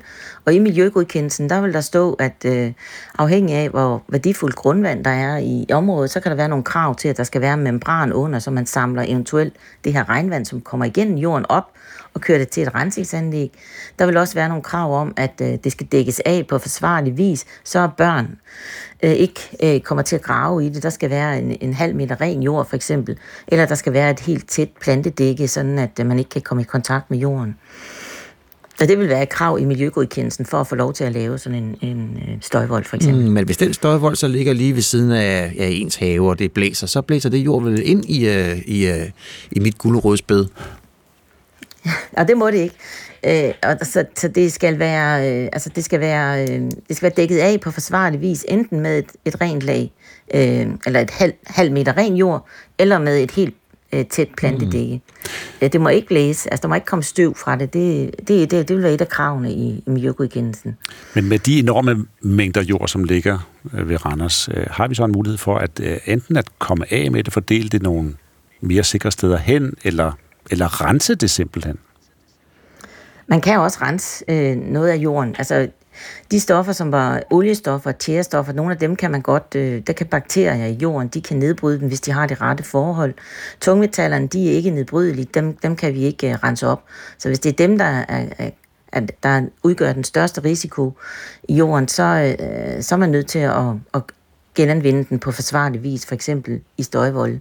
Det er klart, der ligger rigtig meget jord på Nordic Waste, og vi har jo været rigtig glade for det, også som har skulle køre jord i det østjyske.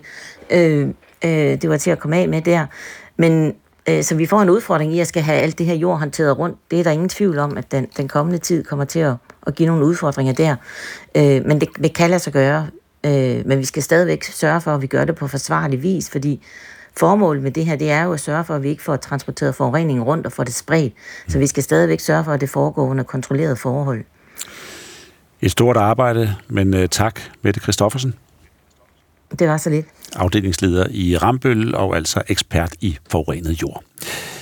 Klokken er 14 minutter over syv. Ja, og det er jo ikke hver morgen, at vi kan sige godmorgen til en uh, tidligere pensionist. Men det kan vi, øh, det kan vi her til morgen. Anne Lehmann Eriksen, godmorgen. Godmorgen. Jamen altså, det helt særlige ved dig, det er jo, ja, altså, du er tidligere pensionist. Du gik på øh, pension, da du var 59-60 år.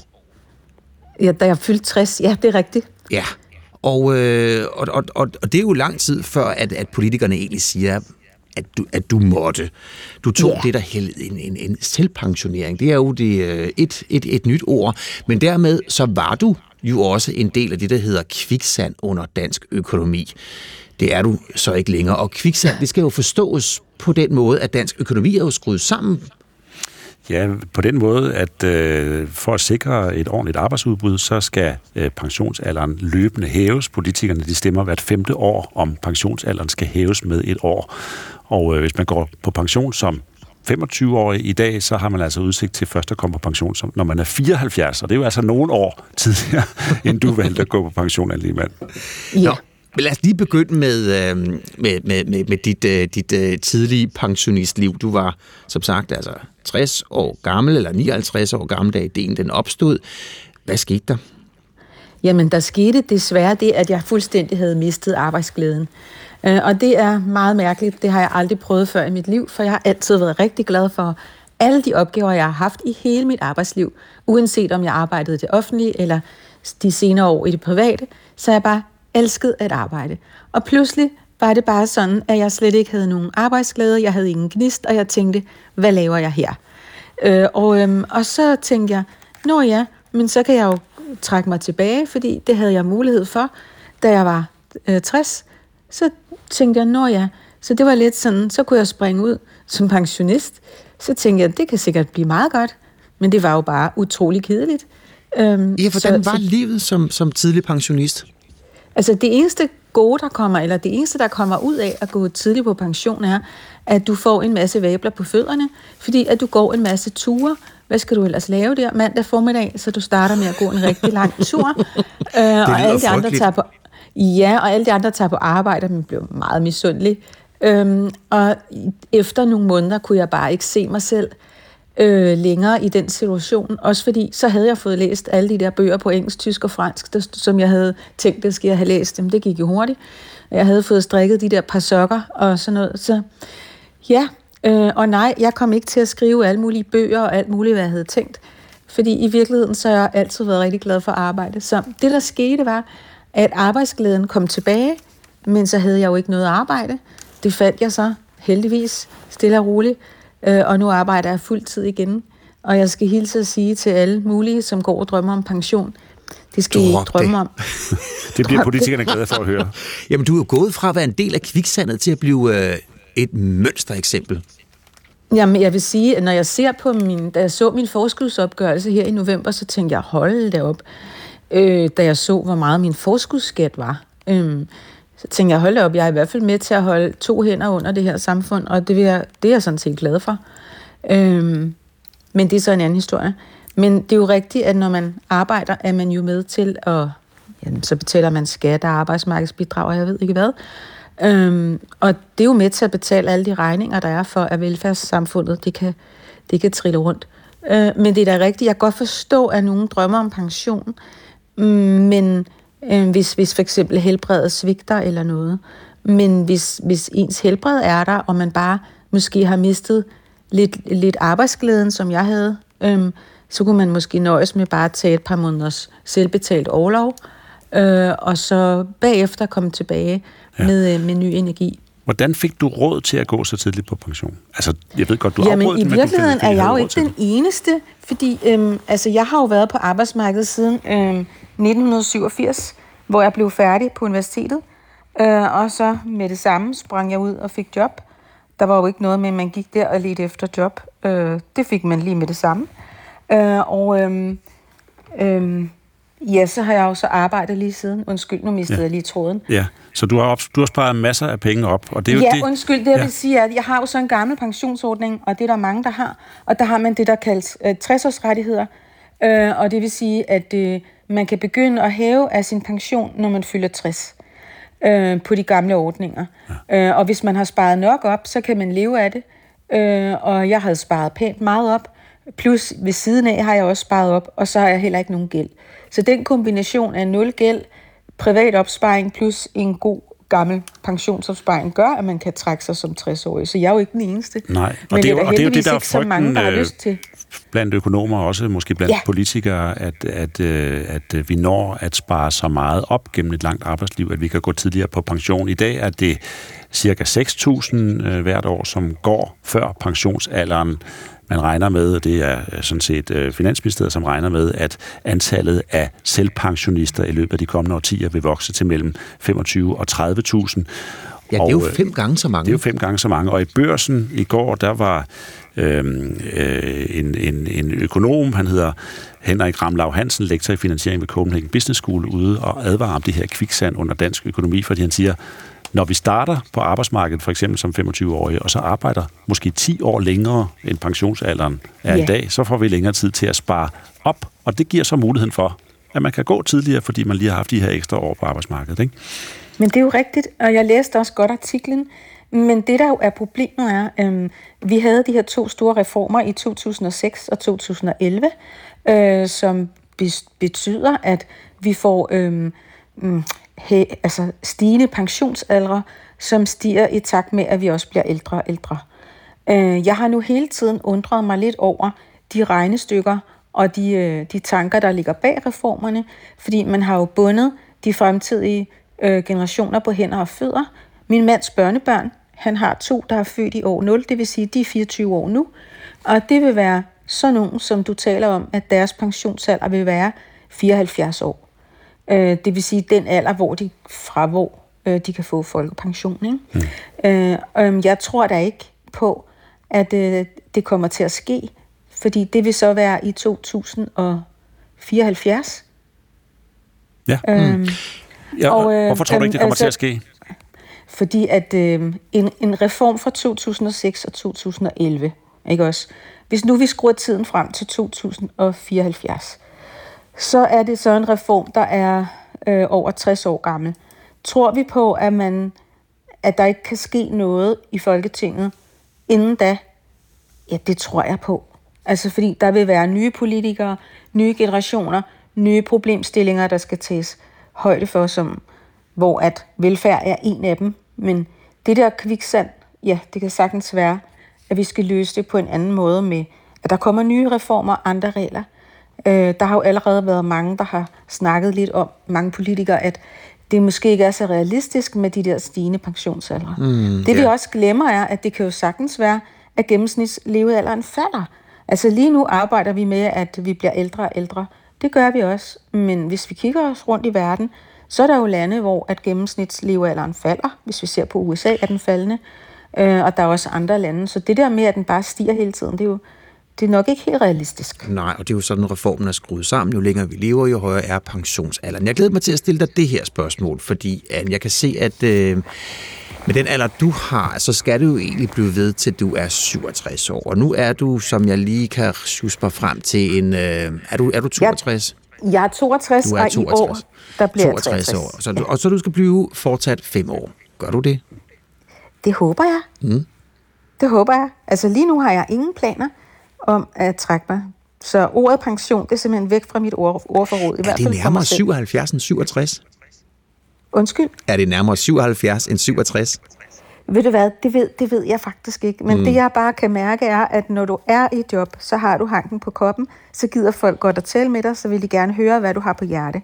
Når du er trukket tilbage, så medmindre du er professor emeritus eller noget, øh, så er der faktisk ikke så mange, der har lyst til at tale med dig. Så hvis man vil være en del af samfundet og en del af debatten, så skal man altså være aktiv og være med. Ja, i hvert fald en fornøjelse at tale med en tidligere pensionist her til morgen. Tak for det, Anne Lehmann Eriksen. ja, selv tak. Og nu forbruger økonom i, øh, i Sydbank.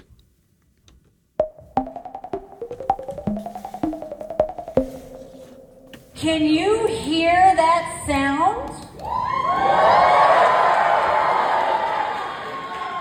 That's the sound of a two person race. Det her er Nikki Haley, øh, kandidat til øh, i, det, i det amerikanske præsidentvalg øh, i kampen om, øh, hvem der skal være øh, øh, kandidat mod Joe Biden ved præsidentvalget til øh, næste år. Og hun øh, fejrer ved en tale i går her, at Ron DeSantis, en af hendes øh, rivaler, øh, trak sig fra den republikanske primærvalgkamp. Hun siger, kan I høre den lyd? Det er lyden af et to-personers race, og så jubler folk. Det betyder øh, så, øh, efter at Ron DeSantis har trukket sig, at når der i dag er primærvalg i New Hampshire, så står kampen udelukkende mellem Nikki Haley og Donald Trump. Øh, og øh, Nikki Haley er til synligheden klar til at give den hele armen for at forsikre sig kandidaturet, men det er tvivlsomt, om det er nok, vurderer Philip Kokar, som er vores USA-korrespondent. Hvis vi tager staten øh, New Hampshire, hvor øh, vi jo skal se en afstemning, øh, når amerikanerne står op om nogle timer, øh, der skal hun nok få et fint valg. Øh, det er jeg sådan set ikke i tvivl om. Hun vil få et valg formentlig over 40 procent. Øh, Trump står så til at få over 50 procent. Men når man tænker på, at øh, Nikki Haley for et halvt år siden i de nationale målinger lå på 2, 3, 4 procent, så er det jo ret flot, hvis hun i dag kan få noget, der minder om 40 procent, måske lidt over. Øh, men der skal så også sige at her i øh, New Hampshire, der kan uafhængige vælgere øh, faktisk også stemme. Det er ikke kun republikanere, der kan stemme. Um, men når man kigger på de kommende stater, hvor der er valg, blandt andet hendes egen hjemstat, uh, South Carolina, i slutningen af februar, jamen så står hun bare sværere og sværere. Og så må man sige, at så er det Trump, der fører med nogle gange 60-70 procent af stemmerne i mange af de stater, mm. der kommer. Så hun får et godt valg i dag i New Hampshire, men, men de kommende uger ser svære ud for hende. Ja, og den udfordring, hun har, det er, at hun skal have øh, stemmer fra flere fløje i det republikanske parti, og der er jo både øh, dem øh, blandt republikanerne, som er, som er meget pro-Trump, dem øh, kender vi godt, de øh, er meget højtråbende normalt, og så er der jo også alle dem, som er anti-Trump i det republikanske parti. Hun skal sådan set have, have støtte fra begge sider. Hvordan kan hun lykkes med det? Jamen, det tror jeg i virkeligheden også selv, hun, hun spørger sig selv om hver eneste morgen, hun står op. Og, og derfor ser vi også Nikki Haley, der sådan ligger i pendulfart mellem til tider nogle lidt mere moderate synspunkter. Det er ikke noget, man i Danmark vil synes var moderate synspunkter. Det er stadigvæk meget konservative holdninger, øh, men som trods alt i en amerikansk kontekst er lidt mere inde på midten. Og så kører hun nogle gange ud øh, på, på nogle meget øh, Øh, højrefløjsagtige argumenter. Øh, og der er hun svært ved til tider at finde ud af, hvor hun egentlig står. Hun, jeg synes, hun står bedst, når hun i virkeligheden laver en klar opposition til Trump. Det er der, hun har medvind. Øh, men, men, men spørgsmålet er, om der simpelthen er stemmer nok til det i, i den amerikanske befolkning. Det er relativt populært i New Hampshire, hvor du udover hele MAGA-folket, altså Make America Great-folket, så har du også mange, som republikanere, som er lidt mere liberale, økonomisk øh, konservative, men som ikke nødvendigvis øh, abonnerer på hele øh, Trumps nationalistiske måde at tænke på. Øhm, så det er noget, der vil vække øh, genklang her i New Hampshire, og hun skal som sagt nok få et fint valg, også selvom Biden er, eller undskyld, Trump selvfølgelig er stor favoritten, men, men det bliver sværere, når hun kommer til flere af de øvrige stater. Ja, hvordan ser kampen mellem de to ud øh, lige i øjeblikket. Nikki Haley, hun har lagt en lidt mere øh, konfrontatorisk linje i forhold til Trump. Hvordan, bliver det, øh, hvordan kommer det til syne?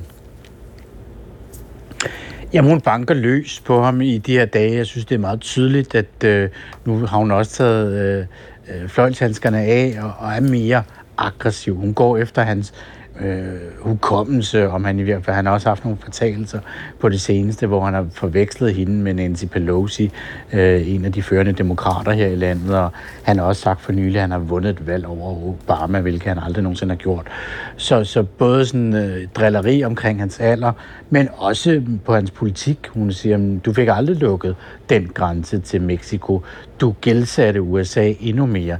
Vi ser nogle temmelig hårde angreb, hvor hun i starten af valgkampen, ligesom de øvrige republikanske kandidater, var meget, meget forsigtig med at kritisere Trump, fordi de vidste, at han var stor favoritten til at vinde. Og i dag er det så New Hampshire, du spår, hun skal nok få et pænt resultat øh, derfra. Men hvad skal der til, for at hun får et resultat, hun for alvor kan bruge til noget i New Hampshire? Jamen, så skal hun vinde øh, en stat. Altså, man kan ikke blive ved med at blive nummer to øh, og slet ikke når der kun er to kandidater tilbage, så har man tabt på et tidspunkt. Øh, det er sådan, hvis vi kigger den næste måned frem, så er der et valg i Nevada i starten af februar, men det er lidt underligt valg på grund af noget teknik, så der stiller Nikki Haley slet ikke op. Og så kommer man faktisk til hendes egen øh, hjemstat, øh, South Carolina, i slutningen af, af februar. Og medmindre hun helt sensationelt skulle vinde i aften, øh, hvilket der ikke er meget, der indikerer, jamen så skal hun faktisk vinde South Carolina, sin egen hjemstat. Ellers så vil jeg vurdere, at det er game over. Så kommer man til det, der hedder Super Tuesday i starten af marts, hvor en lang række stater går til, til valg, hvor Trump også spås en, en, en stor sejr i mange af dem. Og så er det officielt forbi. Så kan hun ikke blive ved længere. Nikki Haley har den lille fordel, at hun har nogle meget rige bagmænd, der støtter hende, og de har givet hende penge til, at hun kan føre valgkamp en måned til. Det var i realiteten også derfor, Ron DeSantis kastede håndklædet i ringen. Han har simpelthen ikke flere penge. Fortalte vores USA-korrespondent Philip Kokar. Så blev klokken halv otte. Vi skal have et nyhedsoverblik. Det kommer her med Morten Snell Lauritsen. Værnepligt til kvinder, det står måske alligevel ikke så højt på regeringens dagsorden. Selvom den tidligere forsvarsminister og venstreformand Jakob Ellemann Jensen talte varmt om, at øh, mænd og kvinder skal ligestilles på området, ja, så får man ikke et klart svar fra den nuværende formand og forsvarsminister Truslund Lund Poulsen. Det tænker jeg, jeg siger lidt om, at præsentere mit forslag. Partierne i forsvarsforligskredsen er nemlig generelt uenige om, hvor mange værnepligtige, der skal kaldes ind i fremtiden, hvor lang tid de skal være der, og hvad de skal lave. Det siger vores forsvarskorrespondent Mads Korsager. Det er ikke noget, vi skal være bange for at gøre, men hvis man gerne vil have en moderne arbejdsplads, så skal mænd og kvinder altså også være øh, ansat på lige vilkår. Og det skal jeg lige sige, det var i hvert fald ikke Mads Korsager, der kom til at sige noget her. Det skal jeg lige beklage. Vi springer til USA og Storbritannien, fordi de har nemlig sent i aftes bombet otte mål i Yemen, det skriver landene i en fælles erklæring. De havde til formål at ramme en underjordisk lager og lokaliteter, som Houthi-bevægelsen bruger til deres missiler. Det er anden gang, at britiske fly angriber mål i Yemen, mens USA har udført flere angreb. I et forsøg på at stoppe angreb fra Houthi-oprør mod skibe i det Røde Hav. Propaganda og ekstremisme skal fremover på skoleskemaet hos børn og unge i København. Kommunen har nemlig vedtaget en handlingsplan, der skal undervise børnene i, hvordan de forholder sig kritisk til propaganda og radikalisering på nettet.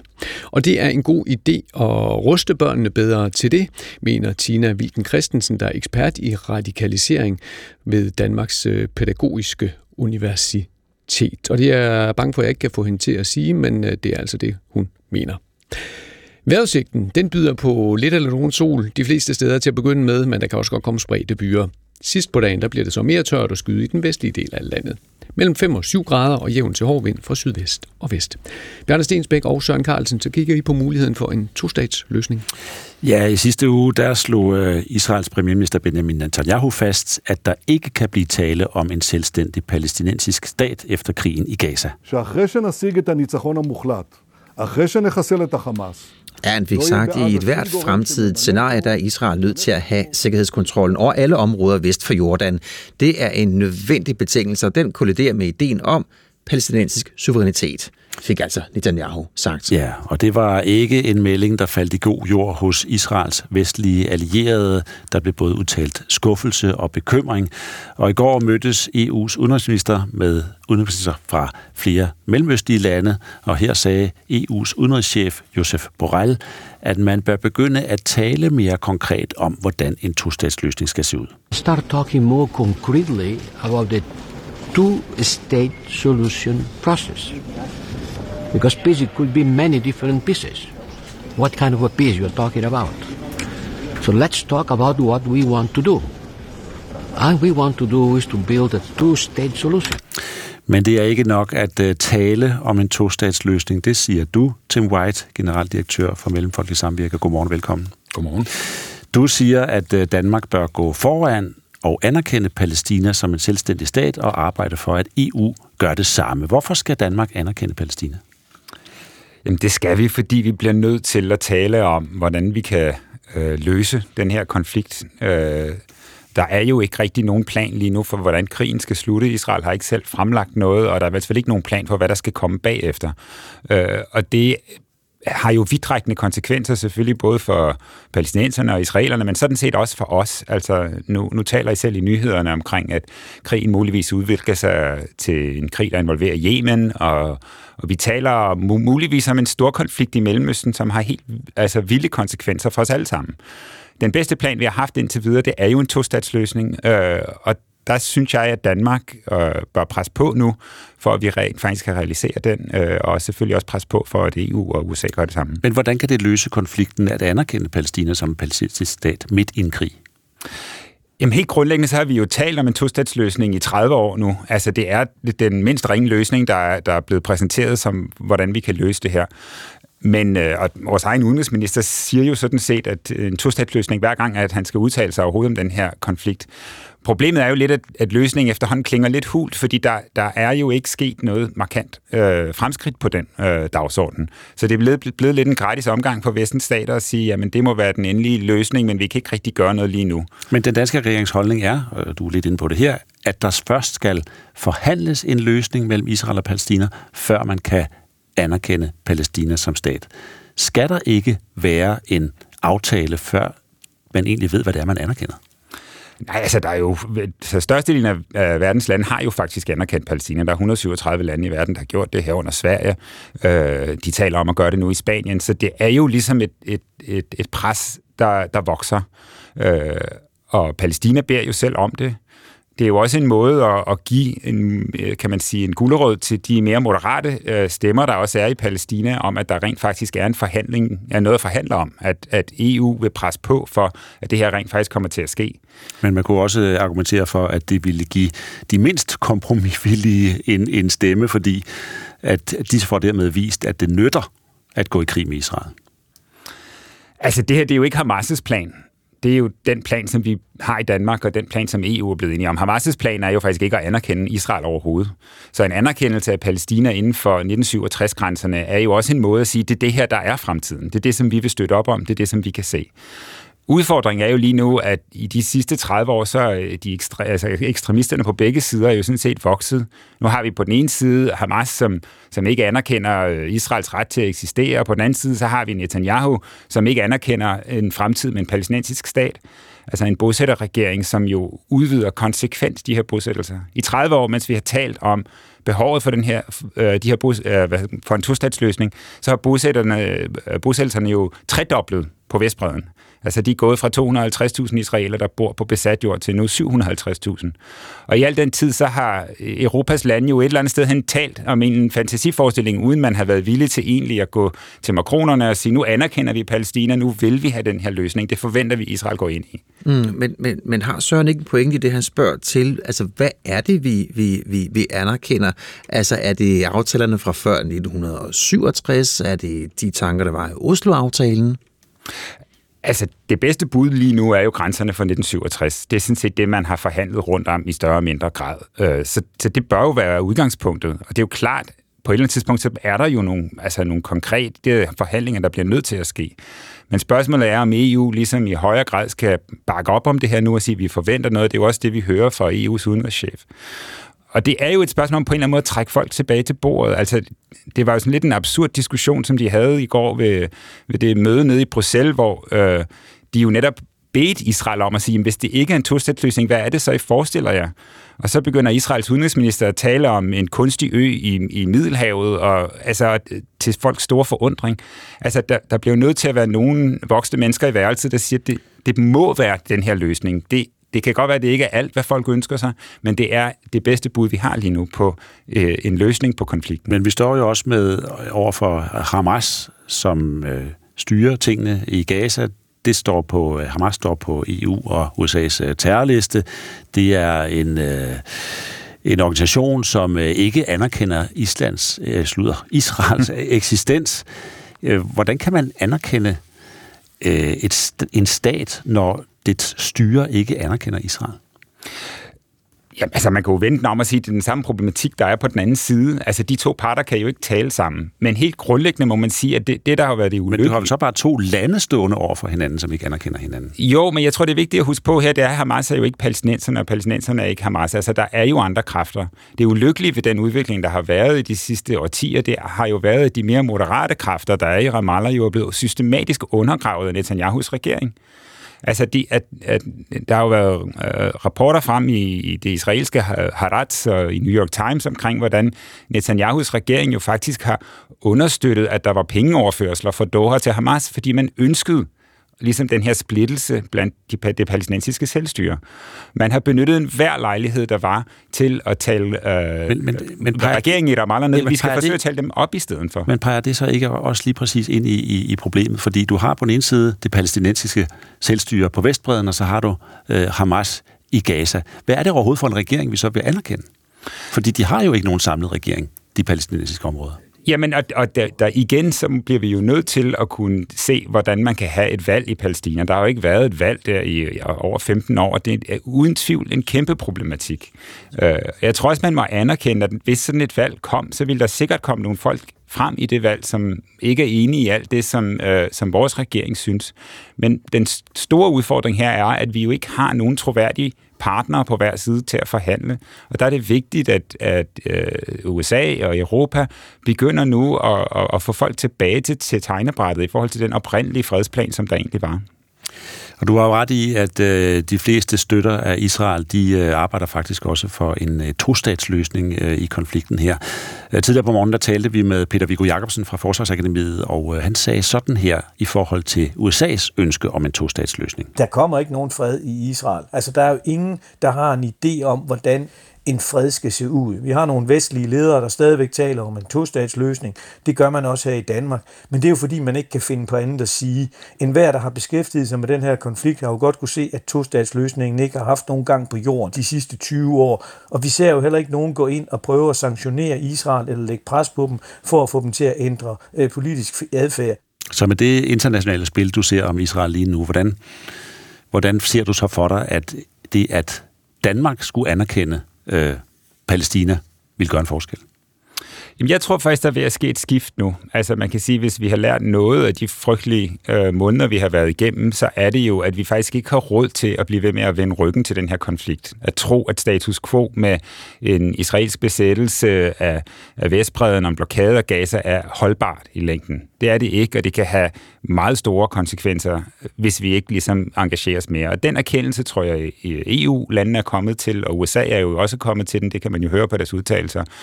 Så øh, jeg tror faktisk, at der er en, en, en stigende interesse i at forsøge at finde ud af, hvordan vi skal arbejde med det her. Herunder også at presse øh, Netanyahus bosætterregering til ligesom at komme på bedre tanker, eller måske få en anden regering der. Øh, og det vil jo uundgåeligt også være en del af den her løsning. Så, øh, og jeg er faktisk ikke enig i at sige, at der ikke kan komme nogen løsning. Det synes jeg er øh, også en håbløs tilgang, og man må i hvert fald sige, at der er jo nogle ret markante jagttager, altså for eksempel den, den meget prisbelønnede og anerkendte øh, øh, internationale analytiker på New York Times, Thomas Friedman, som jo har været fremme nu her bare for et par dage siden at sige, at, at øh, USA bør øh, gå ud og, at USA bør gå ud og anerkende Palæstina, og man her også kan være med til at lægge pres på øh, for en tostatsløsning.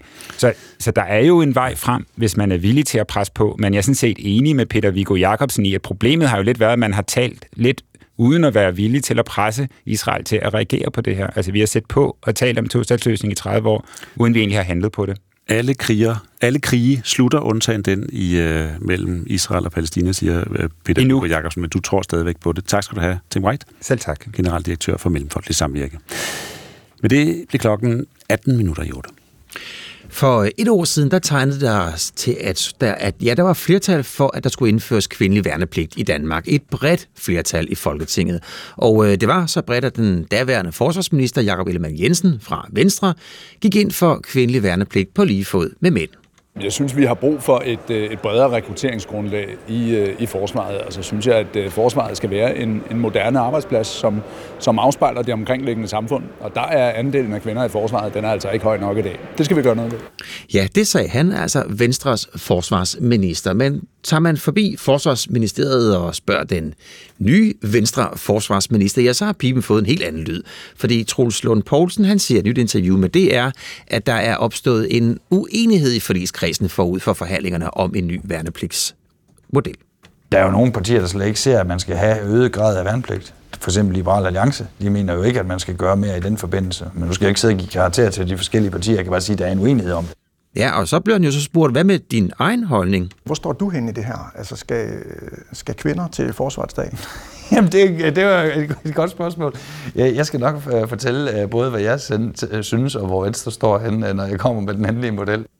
Ja, der får han altså grint, Troels Lund Poulsen. Godmorgen til dig, Luna Træholdt.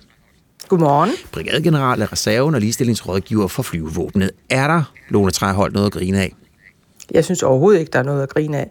Jeg er fuldstændig enig med Jakob Ellemann Jensen, at vi lever i et moderne samfund, øh, og jeg er jo det er jo ikke nogen hemmelighed for værnepligt, så jeg synes, det er en trist udvikling, at man ikke øh, kan blive enige i 2024 om noget, der er så åbenlyst. Hmm, hvordan har du det med, at forsvarsministeren her griner?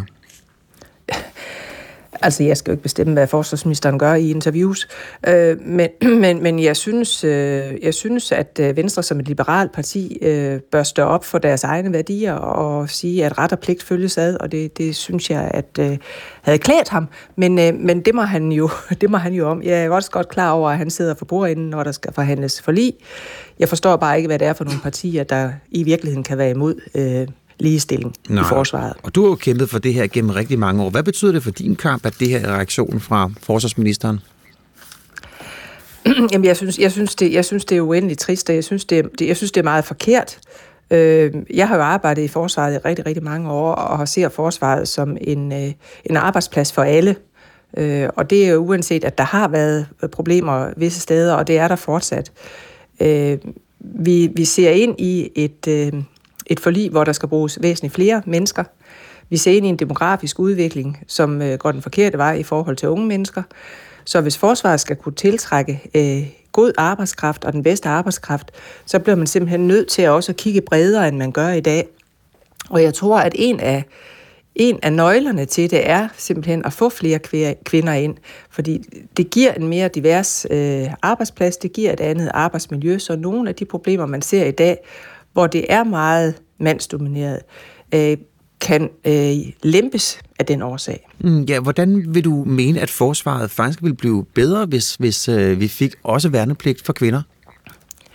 Jamen, jeg mener, jeg mener, at forsvaret skal være et spejl af det samfund, øh, som det er en del af. Øh, derved står det stærkest, derved står det mest troværdigt, derved vil det kunne støtte det samfund, som det er en del af på den bedst mulige måde. Og hvis man kun tager mænd og siger, at det er dem, der skal have værnepligt, og så øh, de få frivillige kvinder, der måtte være, og en, enkelte indiske, øh, andre etniske minoriteter, jamen så får man jo ikke et spejl af det samfund. Og dermed så, så, så sker der ikke, kan man sige, den der fælles forståelse mellem forsvar og samfund, som jeg synes er meget væsentlig og meget værdifuld. Øh, vi lever i et samfund i dag også, hvor usikkerheden er stigende hvor der er behov for, at vi har en stor grad af tillid mellem forsvar og samfund, et bredskab bredt, og, og samfundet omkring os, og hvor vi alle sammen skal være med til at løfte i flok. Så jeg synes kun, det er en helt naturlig udvikling, at vi nu går det sidste skridt og tager den kvindelige værnepligt, og det er jeg sikker på, at, vi godt kan, at de godt kan håndtere i forsvaret. Og der er jo mange kvinder, der, der vælger at blive øh, og melde sig ind i, øh, i forsvaret. Hvis vi kigger på 2022, så var 27 procent af de værnepligtige, de var faktisk kvinder. Men, mm. men under 5 procent valgte at fortsætte karrieren i forsvaret. Og øh, hvor, hvor, hvorfor skal vi altså tvinge kvinder ind, hvis de så alligevel ikke ender med at blive i forsvaret? Jamen, det, jeg, jeg, jeg, tror, jeg tror, i dag er det jo en, en, en, en, hvad kan man sige, det er jo ikke en pligt, men, men det er en ret, man har. Man må komme ind, hvis man gerne vil, og hvis man i øvrigt er egnet. Og der tror jeg, at mange kvinder, de tager det simpelthen som en, et led i deres øh, øh, uddannelse, og, øh, og, og derfor har de besluttet sig, inden de overhovedet kommer ind. Noget andet er, at øh, jeg tænker ikke, at man alle steder i forsvaret i lige høj grad måske fokuserer på at prøve at fastholde og rekruttere dem til de faste ansættelser.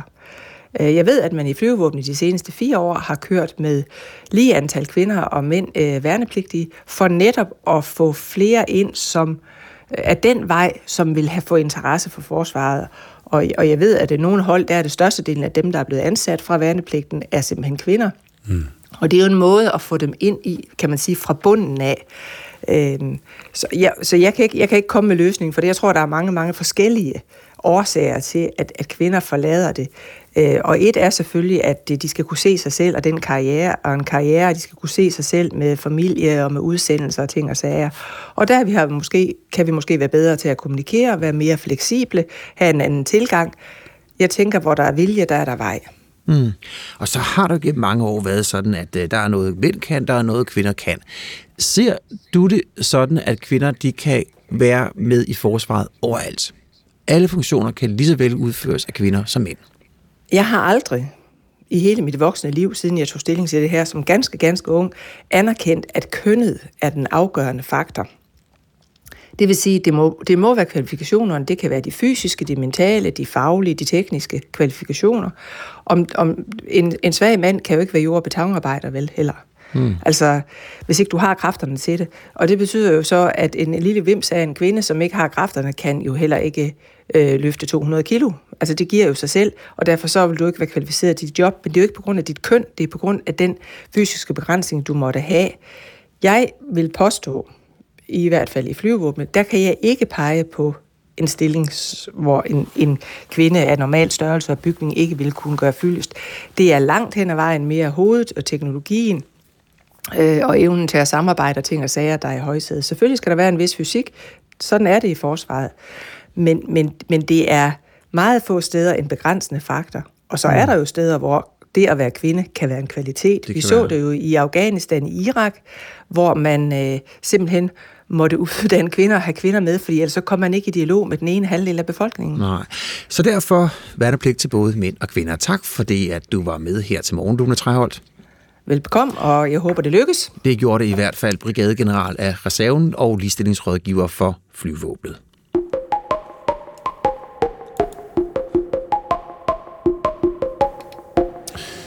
Torben Østergaard Nielsen er ikke nogen øh, populær mand øh, i øjeblikket. Øh, han er, er ejer af det selskab, som står bag øh, Nordic Waste, og han bliver udskammet af, ja, i særlig grad af politikere i øjeblikket, fordi han ikke vil betale, ikke mener, han har ansvaret for at rydde de mange tusind ton giftig jord af vejen for at forhindre en øh, miljøkatastrofe.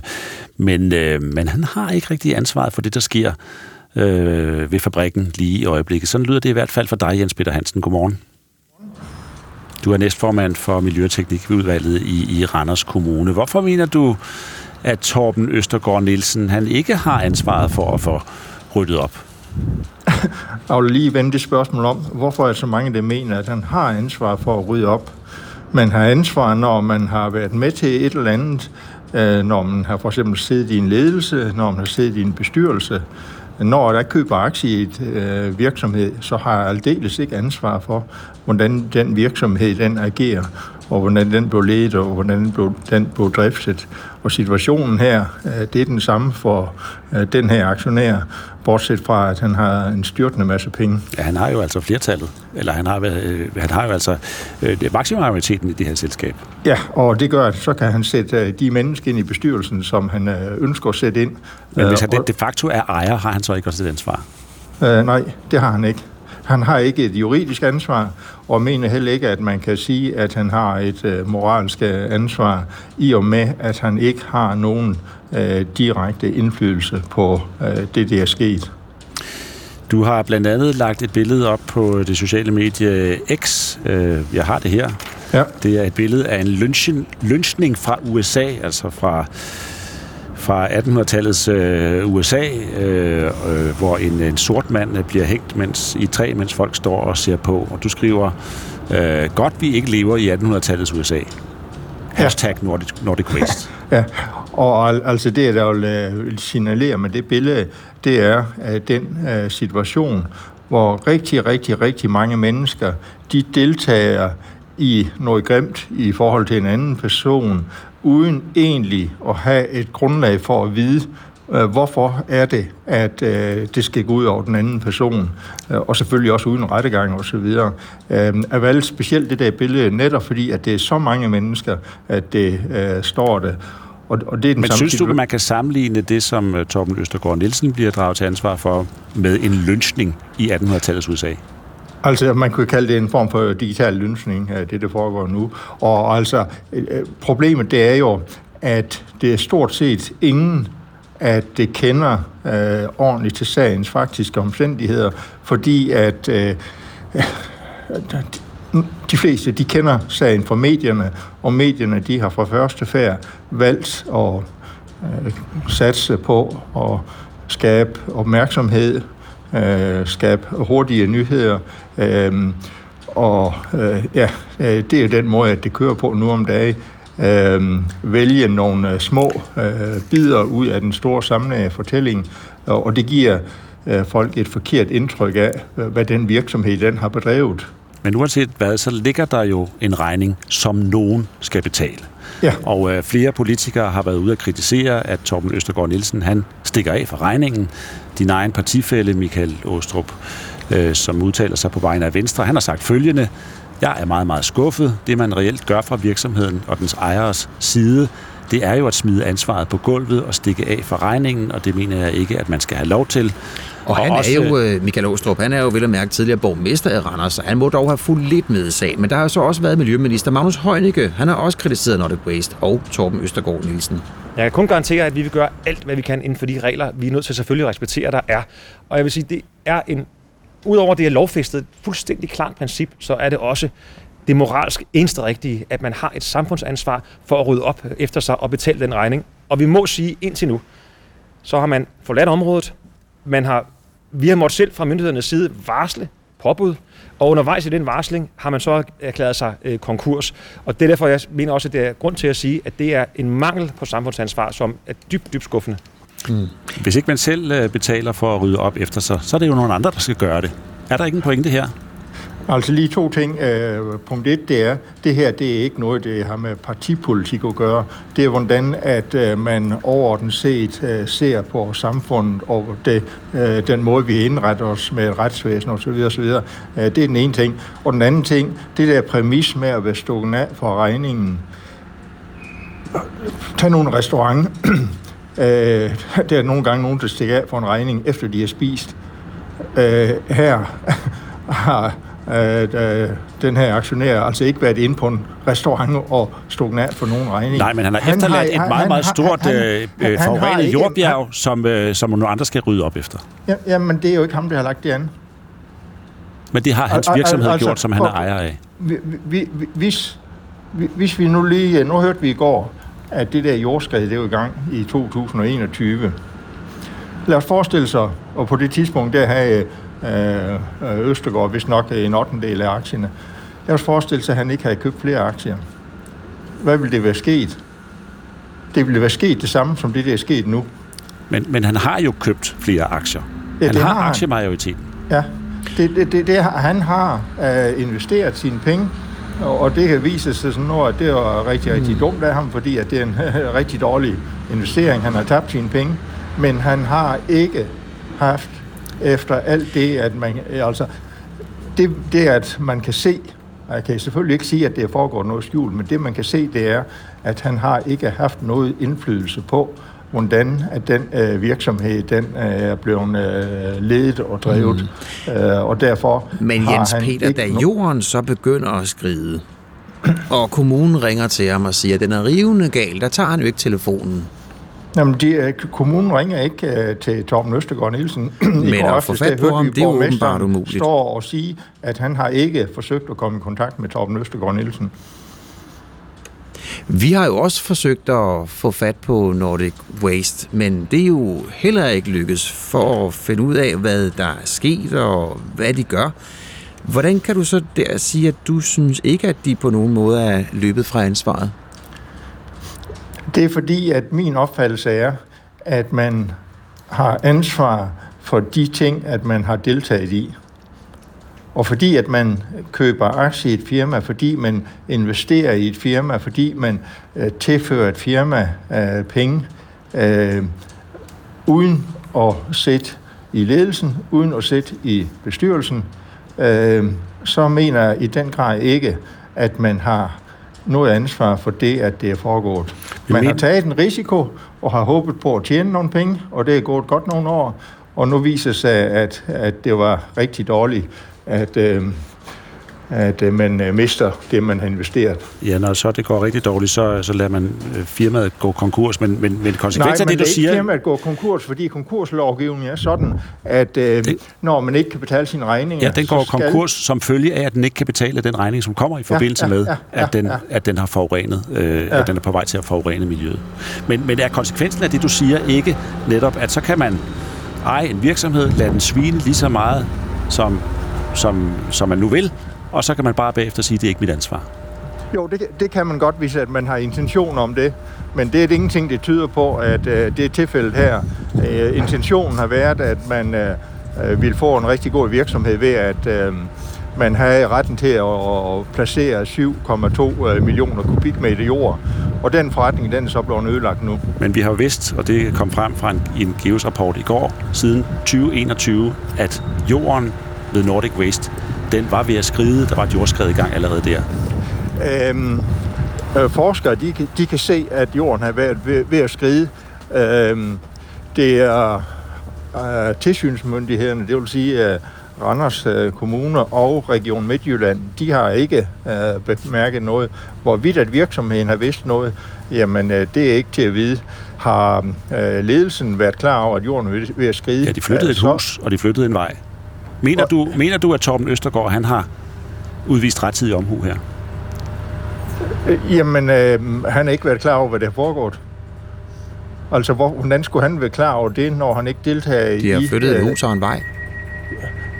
Jamen altså, um, når man ser på, hvor mange selskaber den mand han har, øhm, så har jeg svært ved at forestille mig, at han Altså, han har sidder... simpelthen haft for travlt.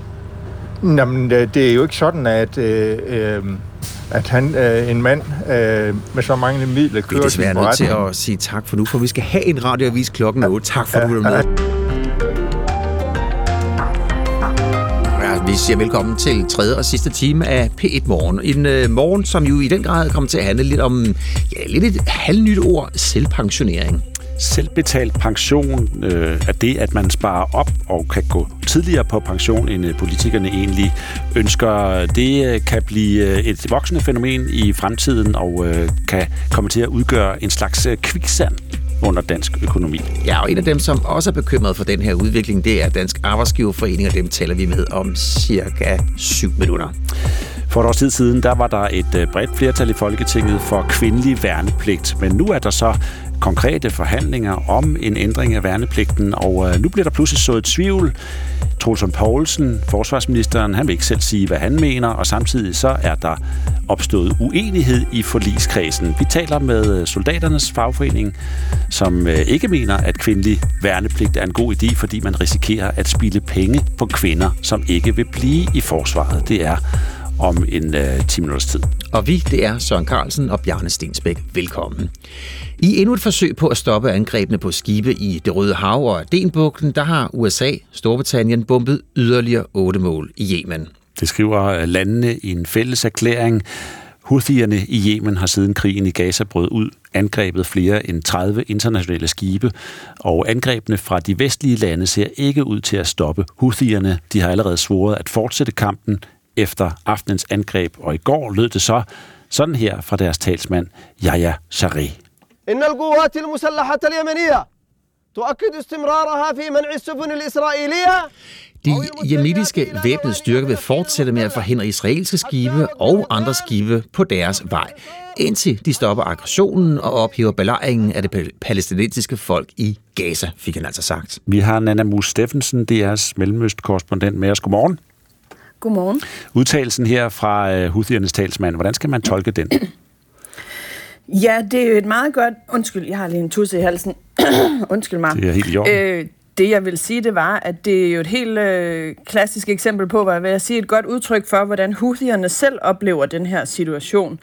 Altså, de har hele tiden sagt, at de er startet med at lave de her angreb mod øh, containerskibe som netop en reaktion imod øh, Israels øh, krig og belejring i Gaza, øh, og at de først vil stoppe med det, hvis der kommer en, øh, en våbenhvile. Så, så det er sådan, han trækker de her tråde tilbage til Gaza, som Houthierne har gjort lige siden de begyndte med deres angreb. Så hvordan forventer man, at, øh, at Houthierne vil svare igen på, at de nu igen har været udsat for et angreb? Ja, vi hører jo, at han, øh, han siger selv, at de vil fortsætte, og det har de jo altså også gjort, siden de her angreb øh, begyndte. Det ikke indtil videre lykkes med at, øh, at slå dem tilbage. Og man må sige, i forhold til de interesser, som huderne har i det, nu er de virkelig kommet på, øh, på verdensdagsordenen med de her angreb, de har lavet for at forstyrre hele øh, søfartstrafikken og verdenshandlen.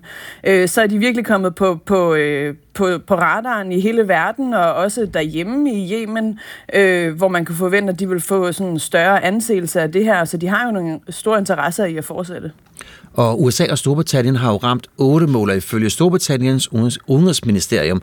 Så drejer det sig blandt andet om militærområder tæt ved hovedstaden Sanaa, hvor formålet var at ramme et underjordisk lager og lokaliteter, som Houthi-bevægelsen bruger til deres missiler og til overvågning af luftrummet. Mm. Så hvor svækket bliver bevægelsen af de her angreb?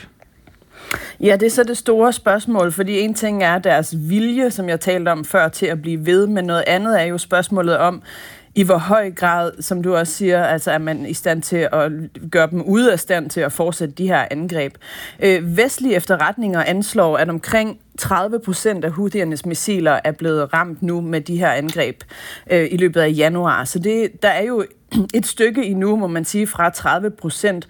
Øh, og vi kan jo prøve at se på historien også. Altså, Houthierne er blevet bombet i mange år af en koalition, som inkluderer både Saudi-Arabien og USA. Og alligevel er de altså vokset sig store nok til at kunne forstyrre øh, hele verdenshandlen med deres våben. Øh, de er jo også en lokal oprørsbevægelse, som altså i mange år netop har været i konflikt øh, med den her koalition med Saudi-Arabien og USA, og på den måde også har fået en masse erfaring i at skjule sig, flytte sig rundt i Yemen, i det her landskab, som de jo bedst selv kender.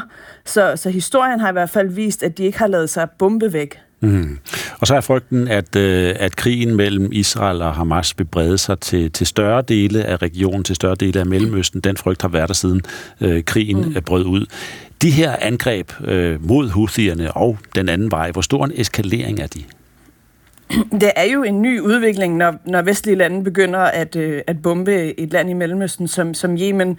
Øh, Danmark, USA, Storbritannien, øh, den koalition her kalder det jo selv en deeskalering, men nu har man jo altså en ny front i Mellemøsten, og det rejser nogle spørgsmål, for eksempel, som vi talte om før, hvis ikke det virker at, at, at bombe i første omgang, altså hvor, hvor lang tid vil man blive ved, hvor meget vil man blive ved med at bombe i Yemen, øh, og hvor meget kan det eskalere på baggrund af det, og netop også, som vi talte om i starten, altså Vesten siger jo selv, den her koalition, at det handler om frihandel, at det, men at det er det, som er, er begrænset til det, og det er en deeskalerende øh, mission, man har begyndt på, men samtidig så kan det ikke frakobles krigen i Gaza, når vi også hører, som i starten, øh, den her talsmand fra Houthi-bevægelsen, altså fordi de begyndte jo at lave de her angreb, øh, siger de, som en støtte til befolkningen i Gaza og imod Israels belejring, og igen og igen, og nu som vi også hørte her, så bliver de ved med at sige, at det handler om det med Gaza, og det gør det også også for, det gør det for Houthierne, det gør det for mange mennesker i Mellemøsten, der ser det sådan.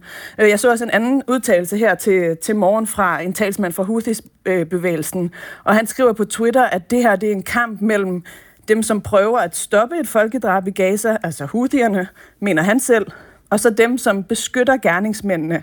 Altså der mener han så USA og, øhm, og Storbritannien, mm. og han taler om Israel. Ikke? Så de bliver hele tiden i den mellemøstlige kontekst trukket tilbage til Gaza. Mm. Dana Mus Steffensen, tak for at være med. Selv tak. DR's Mellemøst-korrespondent. 12 minutter over 8. Ja, og selvom politikerne har besluttet sig for, at øh, pensionsalderen skal hæves jo længere tid vi lever, og det skal den gradvist, ja, så er, det, så er der flere og flere, der vælger selvpensionering. Ja, de står af jobtoget og går på selvbetalt pension tidligere end deres folkepensionsalder. Det viser en ny analyse fra Dansk Arbejdsgiverforening.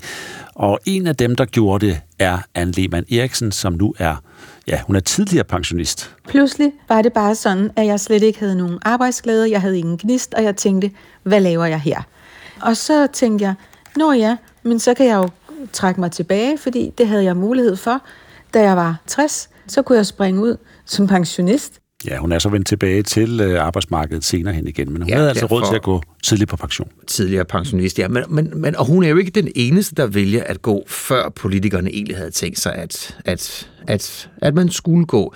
Helt konkret så lyder det, at fra 2018 og frem til 2022 er antallet af selvpensionerede, der forlader arbejdsmarkedet op til 5 år, før de fylder 67 år, ja, det er vokset fra 5.400 personer, altså i 18, og så op til 13.500 personer i 2022. Godmorgen til dig, Jacob Holbrod. Godmorgen. Holbrod. Og du er administrerende direktør hos øh, Dansk Arbejdsgiverforening, og I er jo i er jo dybt bekymret for den her udvikling, og som vi kunne se i børsen i går, der blev det også beskrevet, og det blev beskrevet som øh, kviksand for, øh, for dansk økonomi. Den her stigning, vi nu taler om, hvad siger den dig? Jamen, det siger mig jo, at, at, at det er en udvikling, der er ved at holde øje med. Øh, forstået på den måde, at det er jo startende fra et, et meget lavt niveau, men, men er så stedet øh, relativt set betydeligt de, de seneste år. Og det er jo sådan, at, at jo flere der af den ene eller anden grund trækker sig tilbage fra arbejdsmarkedet før pensionsalderen, jo mere øh, arbejdskraft kommer vi til at mangle. Fordi vi står jo allerede i den situation, at vi både i den offentlige og den private sektor mangler arbejdskraft nu, og det gør vi så langt øjet rækker. Men hvorfor er det problematisk, at folk, der, der har råd til det og lyst til at sig pensionere, jo vel og mærke gør det for, for egne penge? Øh, hvor, hvorfor er det problematisk?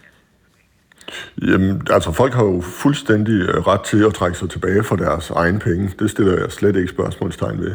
Men, men vi har jo bygget et samfund op øh, i Danmark med et meget højt velstandsniveau. Vi er rigere i forhold til mange andre lande, med et meget højt øh, velfærdsniveau, hvor vi tager os godt af hinanden, hvor man ikke betaler for, når man skal på sygehus, eller øh, man skal på folke, øh, plejehjem, undskyld, eller når man skal tage en uddannelse. Og, og fordi det betaler vi sammen over skatten. Og det indebærer jo, at en del af den aftale, vi har med hinanden, en del af den samfundskontrakt, kan man sige, vi har med hinanden, det er, at vi er mange, der arbejder og går på arbejde hver dag, gør det frem til pensionsalderen og betaler skat, fordi vi så har en masse skattefinansierede øh, ydelser i samfundet. Mm. Set med jeres øjne, hvor alvorligt er det her så? Samlet set er det en udfordring, at der er mange, der trækker sig tilbage fra arbejdsmarkedet før tid. Og hvis vi ikke øh, Øh, erstatter det med anden arbejdskraft, ja, så får vi et endnu større øh, problem med mangel på, på medarbejdere i den offentlige sektor og i den private sektor, end vi allerede har. Og derfor er man nødt til at se på, hvad kan man gøre for at, at finde øh, flere internationale medarbejdere, der skal komme til Danmark og arbejde. Hvordan kan vi få færre til at trække sig tilbage på permanent offentlig forsørgelse øh, lang tid før øh, pensionsalderen, Øhm, sådan så vi øh, kan erstatte, om jeg så må sige, dem, der må trække sig tilbage på sådan en ordning her med andre medarbejdere. Pensionsformuerne de stiger i det her år, vi sparer mere og mere op, og øh, du nævnte børsen i går, Bjarne, der i den avis, der advarede, øh, han hedder Henrik Ramlau Hansen, lektor i finansiering ved Copenhagen Business School, om et øh, paradoks. Han siger, at øh, når man hæver øh, pensionsalderen, så får vi også længere tid til at spare op, og det giver os i virkeligheden mulighed for at at stoppe tidligere, fordi vi har en højere pensionsopsparing. Altså at man kan gå nogle år før politikerne egentlig havde tænkt, at man skulle gå på folkepension. Deler du den analyse? Jeg mener slet ikke, man er der endnu, fordi det er rigtigt, at vi ser en stigning her øh, i, i folk, øh, i antallet af personer, der trækker sig tilbage fra egne midler før pensionsalderen, men det er heldigvis stadigvæk på et meget lavt niveau. Men det er en udvikling, man skal holde øje med. Jeg tror, det man især skal have fokus på, det er at tænke i, hvordan kan vi sikre, at der er beskæftiget nok, hvordan kan vi sikre, at der er arbejdskraft nok, øh, også i årene, der kommer, så vi kan vedblive med at være et rigt og stærkt samfund. Og hvis folk trækker sig tilbage fra egen penge, ja, så er vi nødt til at finde nogle alternativer. Mm, og der peger Henrik Ramlav Hansen for eksempel på, at, øh, at man kunne starte med at spare op til sin pension senere i arbejdslivet. Altså, at man i sine unge år på arbejdsmarkedet, der venter man bruger pengene på at etablere sig med nyt hus og familie osv., og, så videre, og så begynder man først senere i arbejdslivet at spare op. Er det, er det sådan nogle midler, vi skal til at tage i brug, øh, hvis ikke at vi skal ende med at have så store pensionsformuer, så vi kan, så vi kan flytte til solkysten som 62-årige? Nej, der mener jeg slet ikke, vi er endnu. Øh, det danske øh, pensionssystem er et af de bedste, vi har lavet øh, noget, i noget samfund, noget sted i verden. og som er med til at, skabe en meget stærk bund under dansk økonomi, også i årene, der kommer. Der kommer. Så det, det tror jeg bestemt, man skal holde fast i. Men her er der så en udvikling, som man skal have fokus på blandt flere andre, øh, Øh, og så øh, tage højde for, at hvis, der er, hvis den her udvikling, vi ser her, fortsætter, ja, så skal man i endnu højere grad se efter alternativer til at finde, øh, finde, til, til at finde flere medarbejdere andre steder. Men, men jeg ved, Jacob Holbrød, at du har kigget lidt på nogle beregninger fra CBS, der viser, at pensionsformuerne de vil stige voldsomt de kommende år, som følge af den stigende folk, folkepensionsalder. Og på grund af stigende pensionsformuer, hvor mange flere, når du kigger i de beregninger fra CBS, vil så få råd til at gå på pension tidligere i fremtiden?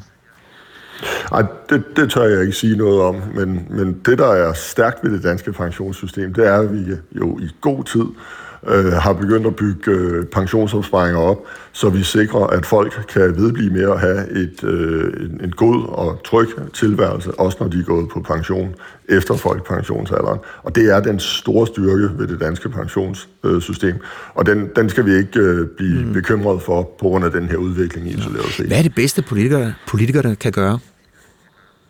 Det bedste, de kan gøre, det er at sikre, at danske virksomheder, offentlige som private, får bedre adgang til internationale medarbejdere. At vi sikrer, at der er færre, der kommer på permanent offentlig forsørgelse. For eksempel antallet af personer, der er på flexjob, det øh, stiger meget voldsomt i de her år.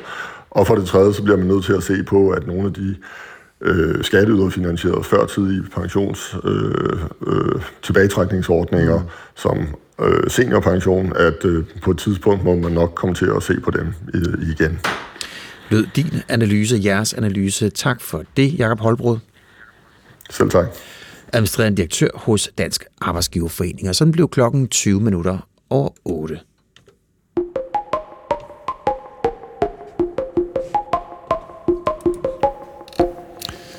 For et år siden var der ikke så meget slinger i valsen. Der tegnede der sig et øh, bredt flertal i Folketinget for at indføre kvindelig værnepligt.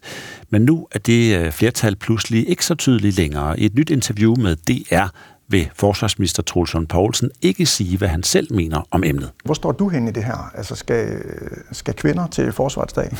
Jamen, det, det var et godt spørgsmål. Jeg skal nok øh, fortælle både, hvad jeg synes, og hvor Venstre står hen, når jeg kommer med den endelige model. Ja, lyder det fra Troels Lund Poulsen. Og ifølge forsvarsministeren, så er der opstået uenighed i forligskredsen forud for kommende forhandlinger om blandt andet kvindelig værnepligt. Men uden for borgen, Christiansborg, ja, så er andre mere klare i spyttet. Lula Træhold talte vi med tidligere her til morgen. Hun er brigadegeneral reserven og ligestillingsrådgiver for flyvevåbnet. Hun mener, at der bør og skal indføres kvindelig værnepligt. Vi alle som borgere i Danmark, mænd som kvinder og hvad der er derinde imellem, øh, har en øh, ligeværdig ret, men også lige meget pligt til at være med til at yde øh, en støtte til samfundet og være med til at sikre os, at vi har det samfund, vi gerne vil have. Og nu har vi øh, soldaternes fagforening med os, Tom Blok, formand for Herrens Konstabel og Korporalforening. Godmorgen. Godmorgen. Ret og pligt skal følges ad, så værnepligt også gælder for kvinder i fremtiden, siger Lone Træholdt her. Hvad siger I? Jamen øh, allerførst så, øh, det som kvinderne på, er på nu, værneret, det er jo en del af vores overenskomst. Øh, bare lige for os at have, have den del med. Ja. men men vi har det sådan, at, at vi kan ikke se, hvorfor vi skal til at begynde at tvinge endnu flere mennesker ind i forsvaret, før vi overhovedet har styr på, på, på tingene i forsvaret. og så er det andet, vi egentlig også ønsker, inden vi bare begynder at træffe en masse beslutninger om, at nu skal vi tvinge kvinderne ind, øh, så kunne vi rigtig godt tænke os, at vi fik øh, i gang sat en eller anden undersøgelse af, et, hvad vil vi med værnepligten, og to, hvad skal de værnepligtige? Så vi undergår at kalde en masse mennesker ind til noget, der måske ikke er så meget perspektiv i, øh, og så er det ender med, at øh, mange af dem, de bare render rundt og laver gavntjeneste. Hmm, men hvis man har retten til, altså lige retten i et dansk samfund, skal man så ikke også have, have pligten? Øh, nej, det synes jeg egentlig ikke. Øh, lige nu der har vi faktisk et, et fint system, øh, hvor kvinderne de har værne ret, og, og mændene de har værne pligt. Øh, og, og vi kan jo se på tallene, at, at øh, der kommer jo masser af kvinder ind. Øh, de sidste par år, der har det ligget på en 6-27 procent af alle hvad den har, øh, de værnepligtige, der har været kvinder, og det skal lige siges, alle er jo frivillige. Øh, og, og, og det synes vi egentlig er rigtig godt. Øh, det, der er interessant, det er jo så at finde ud af, hvorfor er det så få, der fortsætter. Og det skyldes jo nok en hel masse andre ting, som vi skal have styr på, inden vi begynder at gøre sådan nogle tanker om, at vi skal til at tvinge en masse kvinder ind. så vi skal først have indrettet forsvaret på en måde, så, så kvinder har lyst til at blive der længere. Jamen, øh, jeg synes set, at sådan, sådan, alle har lyst til at blive her længere. Mm. Øh, det er ikke kun kvinderne, vi har også udfordringer med at få mændene til at blive.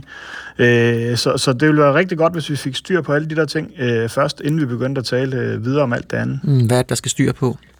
Jamen, øh, det er jo blandt andet øh, de her fastholdelsesinitiativer, sådan vi kan få folk til at blive i forsvaret. Der skal være noget perspektiv i at være i forsvaret. Man skal kunne se nogle kompetencer og karriereudviklingsmuligheder. Alle de ting er jo ikke helt på plads endnu. Så har vi alt det med faciliteter og alt muligt andet, der også har været øh, fremme rigtig meget. Øh, vi har udfordringer med materielle, også i forhold til kvinder og deres anatomi, og det samme med, hvad den har uniform og alt det. Øh, så jeg synes, øh, og så egentlig også bare det med, med, med forståelsen for, hvad, at der er nogle, nogle hvad den har man sige, du er nødt til at tage nogle hensyn nogle gange også til kvinder, øh, som, som forsvaret ikke er helt klar på endnu. Hmm. Hvad, hvilke hensyn er det? Jamen, det kunne blandt andet være, når man er på øvelse og alt muligt andet, så har kvinder nogle gange perioder på måneden, hvor de altså har behov for at komme ind øh, på toilet eller, eller på, i, i et bad. Ikke? Øh, der har det også Sagde du lige det? Ja, det, det gjorde jeg. Altså, at det, at kvinder de har menstruation, det, øh, det gør, at de er mindre egnet som soldater? Mm, oh, nej, det var ikke det, jeg sagde. Nå. Jeg siger, det var det, der, hvor jeg siger, at det, det, det skal forsvaret også lære at forstå, at der har kvinderne jo nogle andre behov end mændene. Mm. Hvad er det, der øh, forsvaret skal lære at forstå? Jamen, øh, det kunne være, at kvinderne, selvom man er på en øvelse, så har de måske et behov for at komme ind på et toilet, eller ind, i, øh, ind til et bad, øh, på grund af alt det her. Men, men tror du ikke, kvinderne godt kan finde ud af det, selvom der ikke lige er et toilet i nærheden? Jo, det kan da godt være, men øh, det ændrer ikke ved, at, at det er altså nogle behov, de har, og det er forsvar ikke øh, alle steder rigtig gode til at tage hensyn til. Der må til. du lige forklare, hvordan kan det ødelægge en øvelse, at kvinder de har menstruation? Jo, men hvis de har deres øh, hvad den her perioder, de er for eksempel bløder igen og andet, øh, og det kommer ud over øh, uniformer og alt det, så har de da også et behov for at komme ind og få, få skifter og få, få badet og det. Og der har man ikke været rigtig god til at tage hensyn til de ting øh, i forsvaret. Mm, men det kan vel ikke være lang tid at tage de foranstaltninger? Nej, men øh, det, det er en kultur, der skal ændres. Mm, hos hvem? Ja, øh, blandt forsvaret, og i særdeleshed blandt ledelsen. Det er jo ikke nogen ny diskussion, den her. Øh, For tre år siden, der talte vi med øh, Sofie Rimfort, som øh, dengang var rådsmedlem for Værnepligtsrådet og tidligere mm. værnepligtig. Hun fortalte om den her forskel i måden mænd og kvinder aftjener værnepligt på. Siden 2015 der har det faktisk været et ønske fra de værnepligtige selv, at kvinder ligesom mænd skulle have deres værnepligt. Vi er jo øh, 2021, og øh, en af Danmarks største arbejdspladser er også en af de eneste, som ikke har ligestilling. Ja, hun siger øh, videre øh, sådan her, Sofie Rimtorp, Rimfort. Der er rigtig stor utilfredshed, især fra øh, kvindernes side af, med at de ligesom hele tiden har den her tanke svævende over hovedet med, at, at, de, jo bare, at de jo bare kan sige op. Øhm, og sådan som kontrakterne ser ud det nu, så det viser jo, at mænd de bliver født soldater, og kvinder de skal gøre sig fortjent. Det ødelægger også ret meget af dynamikken øh, i den deling, man er i, når man får de her kommentarer om, øh, du kan jo bare sige op, det, mm. det, det bliver set om, på, som om at kvinder de har det langt nemmere. Ja, hun siger faktisk, det er ødelæggende for ligestillingen i forsvaret, at man ikke har øh, samme øh, pligt, når man også har samme rettigheder. Jeg, jeg synes faktisk, det hun siger, det understreger jo helt klart, øh, hvor det også er, at vi har udfordringerne. Fordi hvis det er et problem, at man har mulighed for at sige op, at nogen de kan gøre det til et problem, og så betegne nogen som B-soldat, så er det jo en helt anden udfordring, vi har. Øh, og, og det er jo også det, der har været ude tidligere, og nu var det, ikke, var det i sidste uge også i bragt øh, noget i tv, der var der også flere kvinder, der sagde, at de, de ønskede det sådan set ikke. Øh, så, så jeg tror, at man kan altid finde nogen, øh, der, men, der men, men prøv lige at forholde dig til pointen her. Op. Altså, ja. altså det, det, det skaber en eller anden form for øh, ubalance øh, i, øh, blandt soldaterne, hvis øh, mændene har en opfattelse af, at kvinderne ikke er forpligtet som sam, på samme måde som dem. De kan jo bare holde op. Jamen, det er da helt forkert. Altså, når vi er i tingene, så er de da lige så forpligtet. Ja, de har en mulighed for at, at, at have opsige deres kontrakt, men, men det er jo ikke et problem. Så må man jo bare behandle dem ordentligt, så de gerne vil blive der det, det er jo her, vi har udfordringen, det er, at vi, vi behandler jo ikke kvinderne, altså vi taler om ligestilling, men vi behandler dem jo ikke ordentligt. Man stiller jo også, øh, tit også er der jo også højere krav og forventninger til kvinderne, de skal lige øde 105-110 procent for ligesom at blive en del øh, af fællesskabet. Det er da også helt forkert. Øh, så jeg tror, at der er nogle andre mekanismer, vi skal gribe i først, inden vi begynder øh, at, at tvinge en masse kvinder ind til noget, der måske ikke øh, så bliver en, en god oplevelse. Men vi ved øh, med det seneste forsvarsforlig fra sidste år, Øh, der står der direkte, at øh, der skal være flere værnepligtige. Værnepligten skal forlænges, Og så står der, at det skal ske velvidende, at det vil betyde et større træk på ungdomsårgangene mm. og potentielt kan mindske frivillighedsgraden i værnepligten. Man er altså mm. forberedt på, at flere skal trække i trøjen af pligt.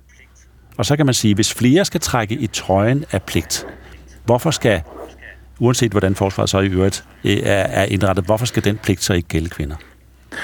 Øh, og det er jo så her, hvor vi igen siger, at inden vi beslutter os på det her, så synes vi, det kunne være en rigtig god at få undersøgt værnepligten. Så vi finder ud af, et, hvad vil vi med værnepligten, og to, hvad skal de værnepligtige? Så vi blandt andet også får indkaldt det rigtige antal folk, og vi får lavet en værnepligt, der har den rigtige øh, længde, så vi faktisk også kan lave noget, noget, noget, hvad man siger, noget brugbart værnepligt. Mm. Så det er, ikke, det er ikke kvinderne, øh, den er gal med, det er forsvaret? Der er udfordringer i, i forsvaret i forhold til det, og så synes jeg egentlig også, når vi taler ligestilling, i stedet for at trække kvinderne ned øh, på et dårligere niveau, så skulle man måske hellere hive mændene op på samme niveau, med de samme rettigheder, som kvinderne har. På hvilken måde? Ja, det vil sige, at man kunne jo godt øh, give mændene værneret også, øh, og så handler det jo igen om, at forsvaret må agere øh, som en, øh, en, en professionel virksomhed også øh, gør, for ligesom at gøre nogle ting for at fastholde sit, øh, sit personale. Men kan man ikke både arbejde for at gøre som du er inde på, forsvaret mere attraktivt for kvinder, samtidig med, at man indfører kvindelig værnepligt. Når nu vi ved, at der skal flere, ja, der skal flere værnepligtige til i fremtiden. Jo, men, men, men når du ser på det igen, altså gennem de sidste mange år, der har alle jo sådan set været frivillige af dem, der er kommet ind i, i, i værnepligten. Øh, så det handler jo om, at vi har jo masser af frivillige. Og, og det siger øh, man jo så, at det, der må man forvente, at frivillighedsgraden i fremtiden ikke er lige så stor, fordi værnepligten den vil, længere, den vil, øh, den vil falde øh, voldsomt, øh, lige så snart du, øh, du laver værnepligten meget længere. Øh, og i særdeleshed blandt øh, kvinderne vil den faktisk øh, falde. Og det var derfor, vi siger, at vi skulle måske kigge på det og få det undersøgt, inden vi bare beslutter os for et eller andet. Mm. Og, og du, du, du siger, Tom Blok, at vi må kigge på det, og vi må undersøge det, og lidt tidligere fik du også sagt, at, at forsvaret skal altså, skal igennem en omstilling, før ja. du mener, at det giver mening også at sige værnepligt til kvinder. Så bare her til sidst, Tom Blok, den der, de der undersøgelser, den omstilling, hvor mange år, år tror du, der går, før at forsvaret er klar til værnepligt til kvinder? Ja. øh, det, altså, nu har vi det jo sådan, at vi, vi synes jo egentlig slet ikke, at vi skal hen i, i pligten. Vi ser jo så hellere, hvis man laver noget, så gør man det som, som, som værende retten. Mm. Øh, så, så, så det ligger jo helt øh, væk fra os. Men, men, men øh, om det er pligt eller værneret, eller om det er for de frivillige, eller dem, der nu engang er inde som fast, så handler det her jo om, at, øh, at man skal til at også øh, at for, forstå, at man skal agere som en, en også som en professionel virksomhed, øh, og behandle sit personale ordentligt, øh, skabe nogle perspektiver for sit personale, så de kan se både kompetencer og karriereudviklingsmuligheder, så skal vi nok få de folk ind i forsvaret, øh, der, der vil ind i forsvaret, fordi forsvaret er faktisk en rigtig spændende arbejdsplads med rigtig mm. mange muligheder. Men du fik Man har bare ikke været god til at det. at forsvaret ikke er klar til kvinder endnu. Mm. Pligt eller ret. Hvornår, mm. hvornår tror du, forsvaret er klar? Det, det er... Altså, det skal man passe på med at sige, hvornår forsvaret er klar til, til noget, fordi nogle ting kan, kan tage rigtig lang tid. Øh, og det håber jeg selvfølgelig ikke, det gør, fordi for mig, der handler det her om, at vi er sådan set alle mennesker, vi skal alle sammen behandles ordentligt. Mm. Øh, og hvad enten du er mand, kvinde, eller hvad du nu er. Øh, og, og der må jo bare sige, at der er vi ikke endnu, desværre. Øh, men vi kommer derhen, det er jeg helt sikker på. Ja. Fem år, ti år? Det, det kan jeg simpelthen ikke øh, Nej. give dig et svar på. Nej. Tak for, at du var med her til morgen, Tom Blok. Det var så lidt. Og du er altså formand for Herrens Konstabel og Korporalforening. Vi har her på Bit Morgen naturligvis forsøgt at få forsvarsminister Troels Lund Poulsen og Socialdemokratiets forsvarsordfører Simon Kollerup med. Ingen af dem har svaret på vores henvendelser. Nu skal vi have et uh, nyhedsoverblik. Det kommer her med Morten Snellauritsen. Ja, og jeg begynder i USA, for i dag der går de republikanske vælgere nemlig til en afstemning, der kan blive afgørende for det amerikanske præsidentvalg til november. De skal pege på, om de helst vil have Donald Trump eller Nikki Haley som partiets præsidentkandidat. Og da Trump tidligere i nat dansk tid afholdt et vælgermøde, der sagde han øh, altså, at dagens valg er det vigtigste i vælgernes liv. When you step into that voting booth, you are going to be uh, signaling når I træder ind i stemmeboksen, så skal I signalere, at I vil have uhederlig Joe Biden, den værste præsident i vores lands historie, ud. Vi skal have ham ud, lød det her fra Donald Trump. Som vi lige hørte, så har regeringen pludselig fået lidt uld i mund, når snakken falder på kvindelige værnepligtige. Tidligere der sagde regeringen ellers klart ja til at indføre værnepligt for kvinder på lige fod med mændene, men nu vil forsvarsminister og venstreformand Troels Lund Poulsen ikke længere melde klart ud, hvordan han mener værnepligten skal være for kvinder. Men ifølge Henrik Kær, der er overkonstabel på Varde Kaserne, så kan ligestillingen indføres ved at lave værneret for begge køn i stedet for værnepligt. Hvorfor ikke øh, give mændene værneretten, ligesom kvinderne har? Så er der ligestilling. Det virker som om, at pigerne de kan sagtens finde ud af at komme herind, heldigvis. Og det vi skal gøre, det er at fastholde dem. Et unikt 1000 år gammelt smykke er vendt hjem til Vestjylland. Guldsmykket det blev fundet i 2021 på en mark ved Bøvlingbjerg. Så blev det så leveret til Nationalmuseet, men nu har Holstebro Museum fået lov til at låne og udstille danefædet. Og det er godt, siger museumsinspektør Sara Hej Abeltrup fra Holstebro Museum. I stedet for, at det måske ligger på et magasin på Nationalmuseet, jamen så er det jo nok øh, mere gavn, at det kommer ud i det område, hvor det faktisk er fundet. Og Sara Hej Abeltrup uddyber og forklarer hvorfor, lige når jeg har fortalt, at øh, vi først får lidt eller nogen sol i dag og spredte byer mellem 5 og 7 grader og jævn til hård vind fra sydvest og vest. Ja, og som du var inde på, Mortensen Lauritsen, så er det jo et historisk fund, der er blevet gjort, et danefag. Men hvorfor skal det historiske fund af Danefag, hvorfor i alverden skal det ikke øh, i Nationalmuseet? Og det er Nationalmuseet jo selv åbne over for, at, øh, at det ikke skal være sådan i fremtiden. Rane Villerslev, han siger sådan her, han er direktør for Nationalmuseet. Mit ønske er, at vi låner nærmest så meget som overhovedet muligt, øh, og få det ud i landet. Ja, siger altså Rane Villerslev. Og i 2023, der havde Nationalmuseet på den måde 122 aktive udlån til museer rundt omkring i landet. Og som vi altså har hørt, så et meget sjældent guldsmykke kom så i går hjem, som de siger på Holstebro Museum.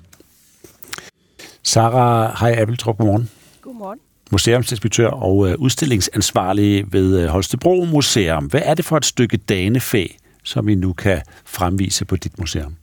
Jamen, det er jo et utroligt sjældent stykke danefag. Øh, der er jo kun 10-12 stykker på verdensplan, så, så vi er jo rigtig, rigtig begejstret for at have fået lov til at få det tilbage, som vi jo helt rigtigt siger, øh, fordi den er jo fundet ude ved os, ude på Bøvlingbjerg, en mark. Øh, og det er jo rigtigt nok, at det er danefag, og dermed så tilhører den jo øh, os alle sammen, alle os danskere. Men, men vi synes jo også, at den har en meget, meget vigtig øh, lokal historie i sig, og derfor så er vi jo rigtig glade for, at vi har fået den her aftale med Nationalmuseet om at få lov til at udstille den hos os på Holstebro Museum. Jeg forstår en forskel gør det for jer, at de, at de nu kan udstille, udstille et stykke danefag, som faktisk er fundet i nærheden af, hvor I bor? Jamen, det gør jo en kæmpe stykke forskel, fordi vi har jo tidligere også øh, haft nogle udlån øh, af Nationalmuseet af nogle lokale fund, men det her smykke her, det er jo simpelthen så sjældent, og, og dengang det blev fundet i en forårsdag der tilbage i 2021, jamen så var der jo en kæmpe interesse omkring det, både fra medierne selvfølgelig, men også fra alle de lokale, fordi 10-12 stykker på verdensplan, jamen det er jo helt unikt, at den så dukker op her øh, på en mark i Bøvlingbjerg, så vi er jo rigtig glade for egentlig at kunne udstille den netop der, hvor at man kan sige, øh, det hele er sket, historien. Mm. Hvor stor en, en forskel gør det for jer, at, at I nu får lov til at udstille, udstille den? Jamen, vi synes, det gør en kæmpe forskel, fordi øh, hos os, der betyder den virkelig noget. Vi synes jo, den har de her tre fortællinger. Altså den her verdenshistoriefortælling, den nationale betydning i og med det er danefag, og så den lokale fortælling. Og, og derfor så vælger vi egentlig at give den sit helt eget rum, sin helt egen særudstilling, hvor den får lov til at stå i centrum. Modsat øh, måske på Nationalmuseet eller andre museer, hvor de jo har mange andre fantastiske danefag, hvor den måske kunne forsvinde lidt i mængden. Jamen, så har vi valgt at sige, det skal den ikke her vi har også andre spændende fund, den kunne stå i blandt, men vi vælger at sige, at den skal stå helt for sig selv, så man kan komme ind og virkelig nyde den og betragte den. Ja, for hvad er det for en, en historie, som den, den nu fortæller, øh, i og med at den jo blev fundet ved Bøvling, altså uden for, for, for Lemvig. Hvad fortæller den om det område?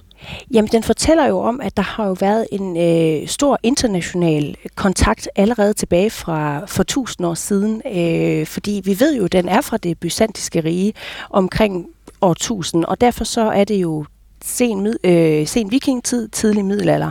Men hvordan er den kommet hertil, det ved vi jo ikke helt. Men det er jo interessant, at det er netop i Bøvlingbjerg, at så sjældent et smykke er fundet, og ikke for eksempel øh, over ved København. Så, så det siger jo meget om, at der har været en stor aktivitet øh, i det her område her. Mm. Og der siger du, at hvis nu den bare var blevet på Nationalmuseet, så ville den historie ikke på samme måde være blevet fortalt.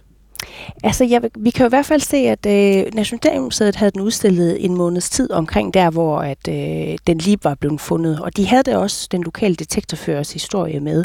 Men men jeg tror, at i og med, at det her det er vores lokalhistoriske område, så har vi også en meget større interesse i at virkelig at gå ned i dybden i den.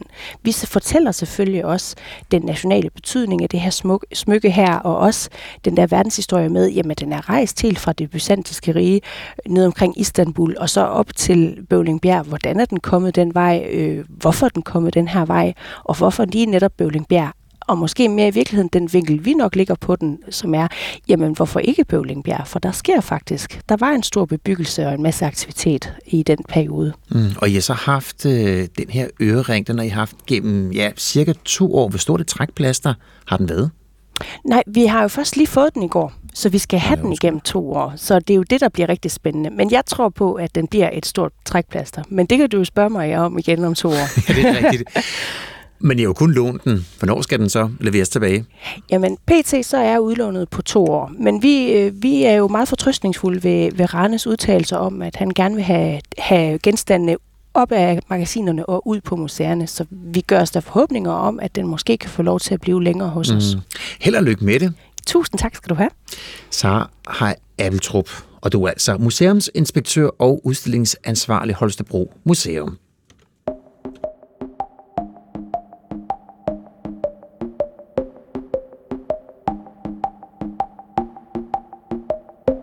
Klokken er nu øh, 21 minutter i ni, og vi har jo de seneste dage talt øh, rigtig meget om den potentielle miljøkatastrofe, som stadig lurer i Ølst uden for Randers. Ved øh, Nordic Waste-fabrikken, der skrider tusindvis af ton med forurenet jord fortsat med kurs mod Alling Å. Og i går der kunne forskere fra Geos så en ny rapport fastslå, at jordskredet ved Nordic Waste har været i gang i flere år. Ja, vores undersøgelser, som løber perioden frem til øh, foråret 2023, viser, at øh, skredet, som I siger, startede i 2021. Det er der, vi ser de første tegn på, på skred. Sagde Christian Svendevig, som er seniorforsker ved Geos og en af forfatterne bag Geos-rapporten. Og det var i p orientering i går. Og kommunerne er slet ikke givet til at håndtere miljøgodkendelser. Det hævder kommunalforsker Roar Buk. Og faktisk kan det også have uheldige sideeffekter, at godkendelserne de ligger lokalt, mener han altså kommunalpolitikere er jo altid på jagt efter arbejdspladser, og, øh, og, og der er udfordringen i forhold til miljø. Kunne det så betyde, at man gjorde lidt ekstra for øh, at være venlig over for, øh, og for nye virksomheder, eller over for de virksomheder, man allerede har i forhold til miljøgodkendelse, miljøkontrol osv.? Fordi man skal ikke gå rundt som kommunalpolitiker og genere de virksomheder, man har, og mm. kunne det så skabe en uheldig incitamentstruktur, øh, fordi der ikke længere var den der armslængde, som der var med de gamle amter. For amterne var jo ligeglade med, om en miljøvirksomhed lå i den ene eller den anden eller den tredje kommune. Ja, og flere politikere stiller også spørgsmålstegn ved, eller sætter spørgsmålstegn ved, om ansvaret for miljøgodkendelser, øh, miljøkontrol, øh, som for eksempel til virksomheder øh, som Nordic Waste, er noget, som kommunerne fortsat skal tage sig af.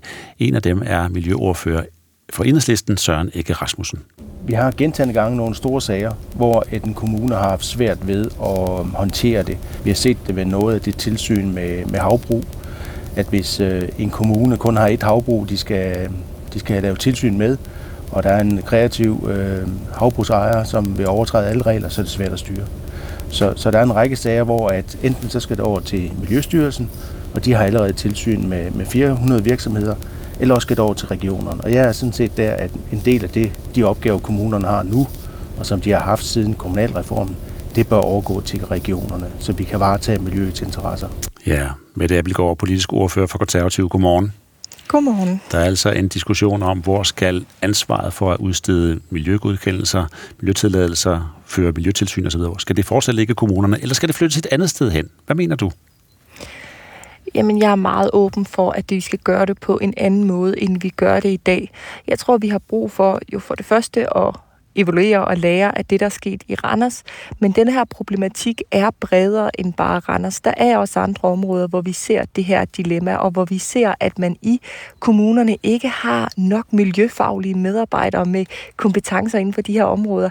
Det kan også være, når der skal etableres et nyt kystsikringsprojekt eksempelvis. Det kan være, at det er første gang i kommunens historie, man skal gøre det, øh, og man har øh, måske ganske få øh, miljømedarbejdere, som ikke har ekspertise i forhold til det her. Så der er generelt på miljøområdet en udfordring i forhold til, at kommunerne ikke er fagligt klædt på til denne her opgave. Og så gør det også indtryk, når for eksempel Danmarks Naturfredningsforening er ude at pege på, at de jo også mener, at det her ansvar skal flyttes væk fra kommunerne, fordi der er den her øh, uheldige incitamentstruktur, som vi også hørte øh, Roger Buch øh, forklare før. Ja, altså en incitamentstruktur, som kan handle om, at det er det kan være svært for en kommune, som gerne vil bevare arbejdspladser i kommunen, at gå og være alt for meget bussemand i forhold til virksomhederne. Er det det, du mener? Jamen, det er lige præcis det, jeg mener. Øh, mange kommunalpolitikere er helt naturligt og helt forståeligt optaget af at tiltrække lokale arbejdspladser, sikre lokale arbejdspladser i deres kommune. Øh, og det kan øh, skabe et uheldigt pres i forhold til at give godkendelse til virksomheder, som måske ikke burde ligge i lige præcis den kommune, fordi der måske ikke er egnede lokaliteter. Øh, og der har jeg også øh, stødt på eksempler, hvor man lokalt har presset på for at finde den bedst mulige placering, øh, selvom den ikke har været god, hvor man nok burde have set øh, i et lidt større perspektiv og sagt, okay, er der andre kommuner, der bedre kan rumme denne her type miljøbelastende virksomhed? Så jeg tror, vi bliver nødt til at hæve det til et lidt større perspektiv end den enkelte kommune, det her. Så med kommunalreformen, da man nedlagde amterne og oprettede regionerne og flyttede øh, for eksempel øh, miljøtilladelserne fra øh, amterne ned i kommunerne, var det en fejl, at man gjorde det? At man overlod det her ansvar til kommunerne? Det tror jeg, vi er nødt til at have en grundig evaluering af, og jeg tror, vi skal passe på med at konkludere for tidligt. Øh, men det er klart, at der er ting i eksempelvis sagen fra Randers, som jo tyder på, at man ikke har øh, levet op til de forpligtelser, man har. Det virker jo helt vildt, at Randers Kommune jo faktisk har været på tilsynsbesøg ude på Nordic Waste, mens jordskredet sådan set har været i gang, uden at de har fanget, at der var noget her, der var rivruskende galt. Øh, man har givet en ny miljøgodkendelse, hvor man har givet tilladelse til at udvide produktionen for ganske kort tid tid siden. Man har afvist behovet for geologiske undersøgelser osv. Og det er jo klart, så stopper man jo op og spørger, hvorfor har man ikke haft kompetencerne til at vurdere, at der var noget her, der simpelthen var alt for risikabelt. Mm. Øhm, og det er som sagt ikke det eneste. Jeg synes faktisk, øh, Søren Ægge fra Enhedslistens eksempel i forhold til øh, sådan noget som, som dambrug også er øh, rigtigt. Der kan også være kommuner, der skal føre tilsyn der, som ikke overhovedet har øh, rutinen med den type opgaver, fordi man måske kun har et enkelt sted at føre tilsyn med. Du er lidt forsigtig, når du siger, at vi skal i hvert fald have en diskussion om det ligger det rigtige Jamen, sted? Jeg tror, jeg tror, vi skal passe på med som politikere at konkludere sådan alt, øh, alt for nalfast og alt for hurtigt. Men det forstår jeg det godt, være... men når du ser på de her mm. eksempler her, du nævner selv, øh, du nævner selv øh, Nordic Waste, mm. som et eklatant eksempel på, at, øh, at der har kommunen ikke rigtig, øh, det tyder det i hvert fald på, at lede op til sit ansvar. Øhm, er, er det alligevel så, så, så groft et eksempel, så, så det får dig til at være tilbøjelig til at sige, ja, det skal flyttes væk. Det skal måske flyttes til regionerne eller til Miljøstyrelsen. Men jeg kommer ikke som politiker til at lovgive på baggrund af enkeltsager, men jeg prøver egentlig at sige, at der også er en lang række andre sager, hvor vi kan se tegn på, Men du siger at jo, at der er en lang række sager her. Ja, præcis. Og det er sådan set også derfor, jeg mener, at vi skal have en ret grundig øh, gennemgang af det her område, for at se på, hvad øh, og hvordan det kunne indrettes mere hensigtsmæssigt, så man imødekommer den kritik, der jo også er kommet både fra Danmarks Naturfredningsforening, men også mange andre i forhold til kvaliteten af det miljøfaglige arbejde, der foregår i kommunerne. Det her det er ikke noget, vi ændrer med et fingerknips, men vi er nok nødt til at sætte et arbejde i gang, øh, som skal lede hen imod, at vi, øh, vi får rekonstrueret det her på en mere hensigtsmæssig måde. Og flyttet det et andet sted hen. Ja, og hvor det så skal være, det må tiden øh, jo vise. Det er heller ikke sikkert, det er alt, der skal flyttes væk øh, fra kommunerne. Der er opgaver i dag, øh, som, de, øh, som de løser udmærket, øh, men, men det må være en del af en, en lidt større og grundig gennemgang af hele det her område. Tror du, at øh, sagen, det vi ser ved Nordic Waste i øjeblikket, kunne være undgået, hvis ikke kommunen havde stået med det overordnede ansvar? Nå, men det er jo helt åbenlyst, at når der er politikere, der har spurgt ind til risikoen, behovet for geologiske undersøgelser osv., og det er blevet blankt afvist af forvaltningen, så er der jo en forvaltning, der har svigtet her. Øh, Det synes jeg ikke, der kan være ret meget tvivl om. Øh, Så ja, øh, i et vist omfang kunne man i hvert fald tidligere have opdaget det her, hvis der havde været andre øjne på. Det har jeg en formodning om. Mette Abelgaard, tak for at være med os. Selv tak. Politisk ordfører for De Konservative. Og med det 14 minutter i. Ja, lad os prøve at lytte til, øh, til den her. Ludvig Kalen, velkommen til Halgås. Du vil forsøge at dyrke heden. Jeg vil bygge kongens første koloni derude. Det er fantastisk, det du er i gang med. Jeg får redan en känsla av liv her ute. Heden er Guds natur. Ja, det her det er filmen Bastarden, og Bastarden den er med Mads Mikkelsen, og den er jo en af sidste års store danske film, og så er den Danmarks officielle bud på bedste internationale film. Ja, i dag der får vi så at vide, om den øh, får en chance for at vinde en Oscar. Listen med de nominerede til, Oscars, til årets Oscar-uddeling, som finder sted den 11. marts, udkommer nemlig i dag. Ja, og det kan jo meget vel være, men uh, ifølge eksperter som Vanity Fair og New York Times, så er den ikke at finde blandt de udvalgte kategorien bedste internationale film. Ja, det er i hvert fald uh, deres uh, vurdering. Derimod så gætter Vanity Fair på, at uh, blandt andet vores nordiske nabo Finland kan kæmpe med om en statuette med filmen Kuolet Ledet, det ved jeg ikke, om jeg udtaler rigtigt, men på dansk der hedder den Faldende Blade. Tapasin sen pienemmän myöhemmin. Mentiin melkein naimisiin. Miksi te menneet? Nätti Linkka. Hiljainen tosin. Mm. Faldende Blade, det er en romantisk komedie om storbyens ensomhed, om øh, sammenhold, og den har før begejstret juryer. Den vandt for eksempel juryens pris ved Cannes Filmfestival sidste år, og den blev også kåret som årets bedste i 2023, og det gjorde den af Frisbecci, og det er den internationale kritikersammenslutning. Den er altså en øh, svær modstander for det danske bidrag, bidrag Bastarden i kategorien bedste udenlandske film. Men derudover, så er der bred enighed om, at titlerne på disse to film vil blive læst højt igen og igen og igen. Hi Barbie. Hi Barbie. Hi Barbie. Hi Barbie. Hi Barbie. Are we saying there's a chance that when we push that button, we destroy the world? Og det er jo Søren to meget, meget, meget forskellige film. Men alligevel, så bliver de på en eller anden måde, så bliver de ja, viklet sammen. Barbie og øh, Oppenheimer blev til Barbenheimer, det blev det kaldt, fordi de her to film, de jo havde premiere samtidig, og så måtte man bare se begge filmene, og de her to film, de forventes begge nomineret i et væld af kategorier, alt fra bedste film til bedste klipning. Og så lyder det fra, eller på flere medier, at vi allerede kan indskrive disse to navne i konkurrencerne om den bedste mandlige og bedste kvindelige skuespiller. Shomikasi. That's how you are. I don't know what she said, but it must have been Indian for handsome devil. ja, og den mandlige, det er DiCaprio, selvfølgelig. Den kvindelige Lily Gladstone, begge her fra filmen Killers of the Flower Moon. En øh, film, som foregår tilbage i 1920'ernes Oklahoma. Øh, den skildrer en række mystiske dødsfald, som var med til at starte det moderne FBI. Morerne finder sted blandt den oprindelige indianske befolkning, som er blevet ufattelig rig på reservatets olie. Men pludselig begynder de at dø en efter en, og hovedrollerne spilles altså så godt, at Leonardo DiCaprio og Lily Gladstone begge er favoritterne til at løbe med en Oscar. Og så er der en gammel kending, der er vendt tilbage til filmpriserne spotlys, og det er Miyazaki. Og det er jo en japansk filminstruktør, animator, tegneserieskaber, som blandt andet står bag Prinsesse Monique og Det levende slot. Og hans nyeste film, Drengen og Hejren, er også efter al forventning med i løbet om bedste animationsfilm. Naito! What exactly are you? Your mother. She's awaiting your rescue. Hmm. Det er altså i dag, det bliver afgjort, hvem der er finalisterne i kampen om en Oscar. Fem film kommer på listen i hver kategori, og Danmark har faktisk tre lodder i Oscarpuljen i tre forskellige kategorier. Udover Bastarden er det Apollonia Apollonia, som er shortlistet i kategorien bedste dokumentar, og så Rider Lykke i kategorien live action kortfilm. Danmark har jo øh, været der nogle gange. Siden øh, 2010, der har vi opnået syv Oscar-nomineringer til bedste internationale film, og senest var der jo Thomas Winterbergs Druk, som vandt tilbage i 2021. Nu er klokken 9 minutter 9.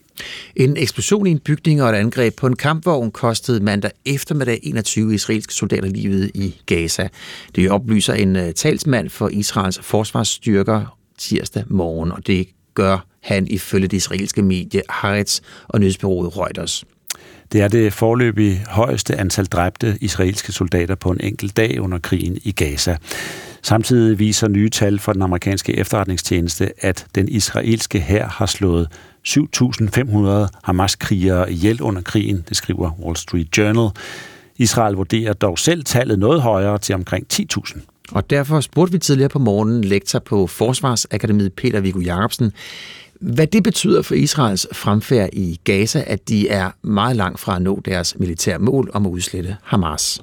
Der kommer ikke nogen fred i Israel. Altså, der er jo ingen, der har en idé om, hvordan en en fred skal se ud. Vi har nogle vestlige ledere, der stadigvæk taler om en to-statsløsning. Det gør man også her i Danmark. Men det er jo fordi, man ikke kan finde på andet at sige. En hver, der har beskæftiget sig med den her konflikt, har jo godt kunne se, at to-statsløsningen ikke har haft nogen gang på jorden øh, de, sidste, de sidste 20 år. Og selvom vi nu har en Netanyahu, der siger, at han ikke gider det, ja, så vidste man det jo godt, hvis man havde sat sig ind i, te, i tingene. Så det, han nu har sagt, det ændrer jo ikke noget.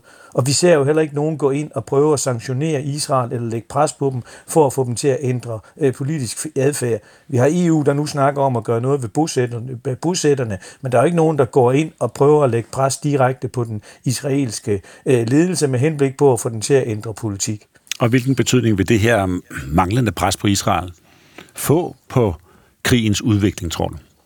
Ja, det er, jo, det er jo et godt spørgsmål, fordi det afhænger jo i sidste instans af, hvad israelerne selv vil. Og når der på et tidspunkt kommer et valg, så må vi jo se, hvem der så kommer til magten. De fleste analytikere peger på, at så er det nok slut med Netanyahu. Men det er jo ikke det samme som, at der ikke stadigvæk vil være nogen i Israel, der vil modarbejde en, en to-statsløsning, som vi har set siden Rabin blev slået ihjel af en fanatisk israelsk bosætter tilbage i, i, i 90'erne. Så jeg har meget svært til at se, at der skal ske en så stor omkalfatring. Ikke bare af øh, den israelske ledelse og den israelske befolkning, men også på, i den palæstinensiske lejr.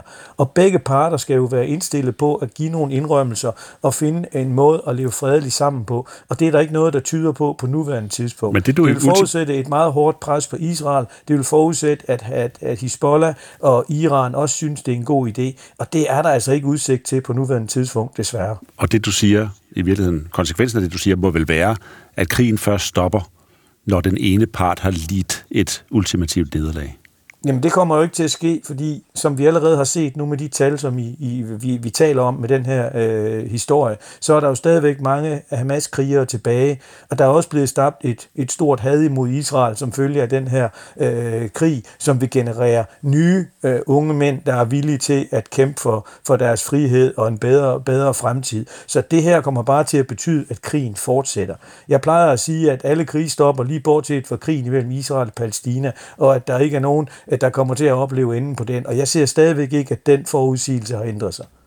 Alle krige stopper bortset fra den her. Ja. Det var din analyse, Peter Viggo Jacobsen.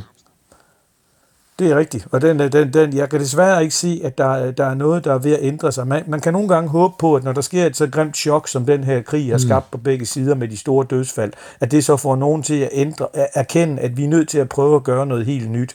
Men jeg synes ikke, det ser ud som om, at den erkendelse bundfælder sig hos israelerne. Jeg synes, det er for tidligt at sige, hvad der sker på det palæstinensiske område, men det vil jo også kræve, at den palæstinensiske autoritet forsvinder, at der kommer en ny generation af ledere til, og det synes jeg ikke umiddelbart, der er udsigt til, at det vil ske. Så derfor er det svært at se, hvordan man kommer videre fra det, vi har. Vi har stort set oplevet en kontinuerlig lavintensitetskonflikt imellem Hamas og Israel siden 2006, og jeg synes, det ser svært ud med hensigt på helt at fjerne Hamas. Og selv hvis man forestiller sig, at det skulle lykkes, ja, så vil der sandsynligvis komme andre militante grupper, der vil føre kampen videre, fordi den palæstinensiske situation er så umulig sagde Peter Viggo Jacobsen, som er lektor ved Forsvarsakademiet. Ja, tidligere her til morgen fik vi også sagt, at vi ikke, havde, øh, vi ikke kunne få et interview med forsvarsminister Troels Lund Poulsen, og der skal jeg lige rette det, er faktisk fordi, at forsvarsministeren han er i USA for at besøge F-35. Så det er den rette og rigtige formulering. Fire minutter i ni, og godmorgen til dig, Claus Melby. Ja, godmorgen. Direktør for Vadehavscentret. Vi skal tale om øh, tranerne, som har fået en noget øh, kortere flyvetur, når de skal sydpå for vinteren. Hvordan hænger det sammen? Jamen, det er fuldstændig rigtigt. Altså, for år tilbage, der skulle de jo til Afrika for at overvintre. Uh, men mange af dem sparer simpelthen rejsen over Middelhavet og bliver simpelthen i Danmark, så længe det er mildt nok. Uh, så, så nu øh, har vi fået tranen også om vinteren i store flokke. Um, og det er jo fantastisk at tænke på den her fugl, som da jeg var barn, der var der tre-fire ynglepar i Danmark. Og nu, øh, nu er vi over 1000 par, øh, der yngler i Danmark. Øh, det er ikke noget i forhold til Sverige, som har 30.000, men, øh, og Tyskland godt 10.000. Men ud af de 400.000 træner på verdensplan, så er trænen i fremgang. Så trænen er i fremgang, og den øh, bliver i højere grad i Danmark. Men bare lige for at få det her med, med, med når de rejser sydpå for vinteren. Tidligere, der skulle de helt til Nordafrika, men så langt skal de ikke længere. Nej, det skal de ikke, og det skyldes jo, øh, at, øh, at vi har en masse spild afgrøder på markerne, især majs og kartofler og, og korn. Og så kan de blive her, Øh, hvis det er mildt og hvis det ikke er bundfrossen. Og der har vi så fået de her store overnatningspladser. Og øh, vi har flere i Danmark. Vi har øh, oppe i Vejlerne og Lille Villemose og øh, Randbøl Hede. Og så har vi ikke mindst øh, Råhede Vade, som er lige syd for Ribe og syd for den landsby, jeg sidder i, hvis det vidste, øh, hvor Vadehavscenteret er. Og der, øh, der talte vi forleden dag det absolut største tal, øh, vi har haft øh, nogensinde, og det var 568 68 træner, øh, der fløj øh, fra øst og ud over marsken øh, ved halv femtiden, og så fløj de ud over dierne og satte sig ude på et stort strandingsområde, som vi kalder Råhede Vade. Og det er altså et syn. Det kan jeg fortælle. Det er mm. fantastisk at se de der fugle, når de kommer øh, som små flyvemaskiner nærmest, med lang hals og lange ben, trompeterende i luften og flyver med de her 50-70 km i timen. Det er et fantastisk syn. Med den fremgang, som har været i trænebestanden, har vi så nok træner til at have en bestand, som er kommet for at blive? Du siger, at den var væk i nogle år simpelthen. Ja, jamen, den var væk i nogle år øh, og kom tilbage øh, i starten af 50'erne ganske langsomt, men først i nullerne er der blevet rigtig mange. Jeg tror, at trænen bliver ved øh, med at øh, vokse i antal øh, i nogle år endnu. Øh, det sker hver eneste år. Øh, med mindre vi får stærk tørke, fordi den er dybt afhængig af vores vådområder, som jo heldigvis er blevet flere i Danmark. Øh, den har brug for vådområder til at yngle i, øh, klitheder, tørvemoser og rørsumpe. Um, og her i Vestjylland, der er det de mest næringsfattige øh, naturtyper, den kan bedst skal lide. Så den er i fremgang, og den er fremgang i hele Europa. Um, og, og det vil den være, men den har også nogle farer mod sig, det er jo klimaændringerne, hvis der kommer tørke. Og så har den den fare, at hvis vi ikke tænker os om i den grønne omstilling, så kan vindmøller for mange ledninger klippe i stykker. Så vi skal sætte de her vindmøller op nogle rigtig gode steder, øh, hvor fuglene ikke er. Øh, det er rigtig, rigtig vigtigt. Jeg fandt faktisk en trane for ikke så længe siden, der var klippet over af vindmøller. Og øh, så, så det er sådan lidt, ja, men tranen er i fremgang. Så den grønne omstilling kan også være barsk ved, øh, ved tranerne. Claus Melby, øh, tak for øh, kigget ind i tranernes liv. Selv tak, og kan have en rigtig god dag. I lige måde. måde direktør for Vadehavscentret og naturvejleder. Ja, og vi skal også sige tak. Vi skal sige tak til Jette Damgaard. Og Christian Brand Petersen, som har sat udsendelsen sammen. Og gennem morgen var det Mortensen og Lauritsen, der leverede lydesoverblikket og radioaviserne. Klokken er 9. Gå på opdagelse i alle DR's podcast og radioprogrammer. I appen DR Lyd.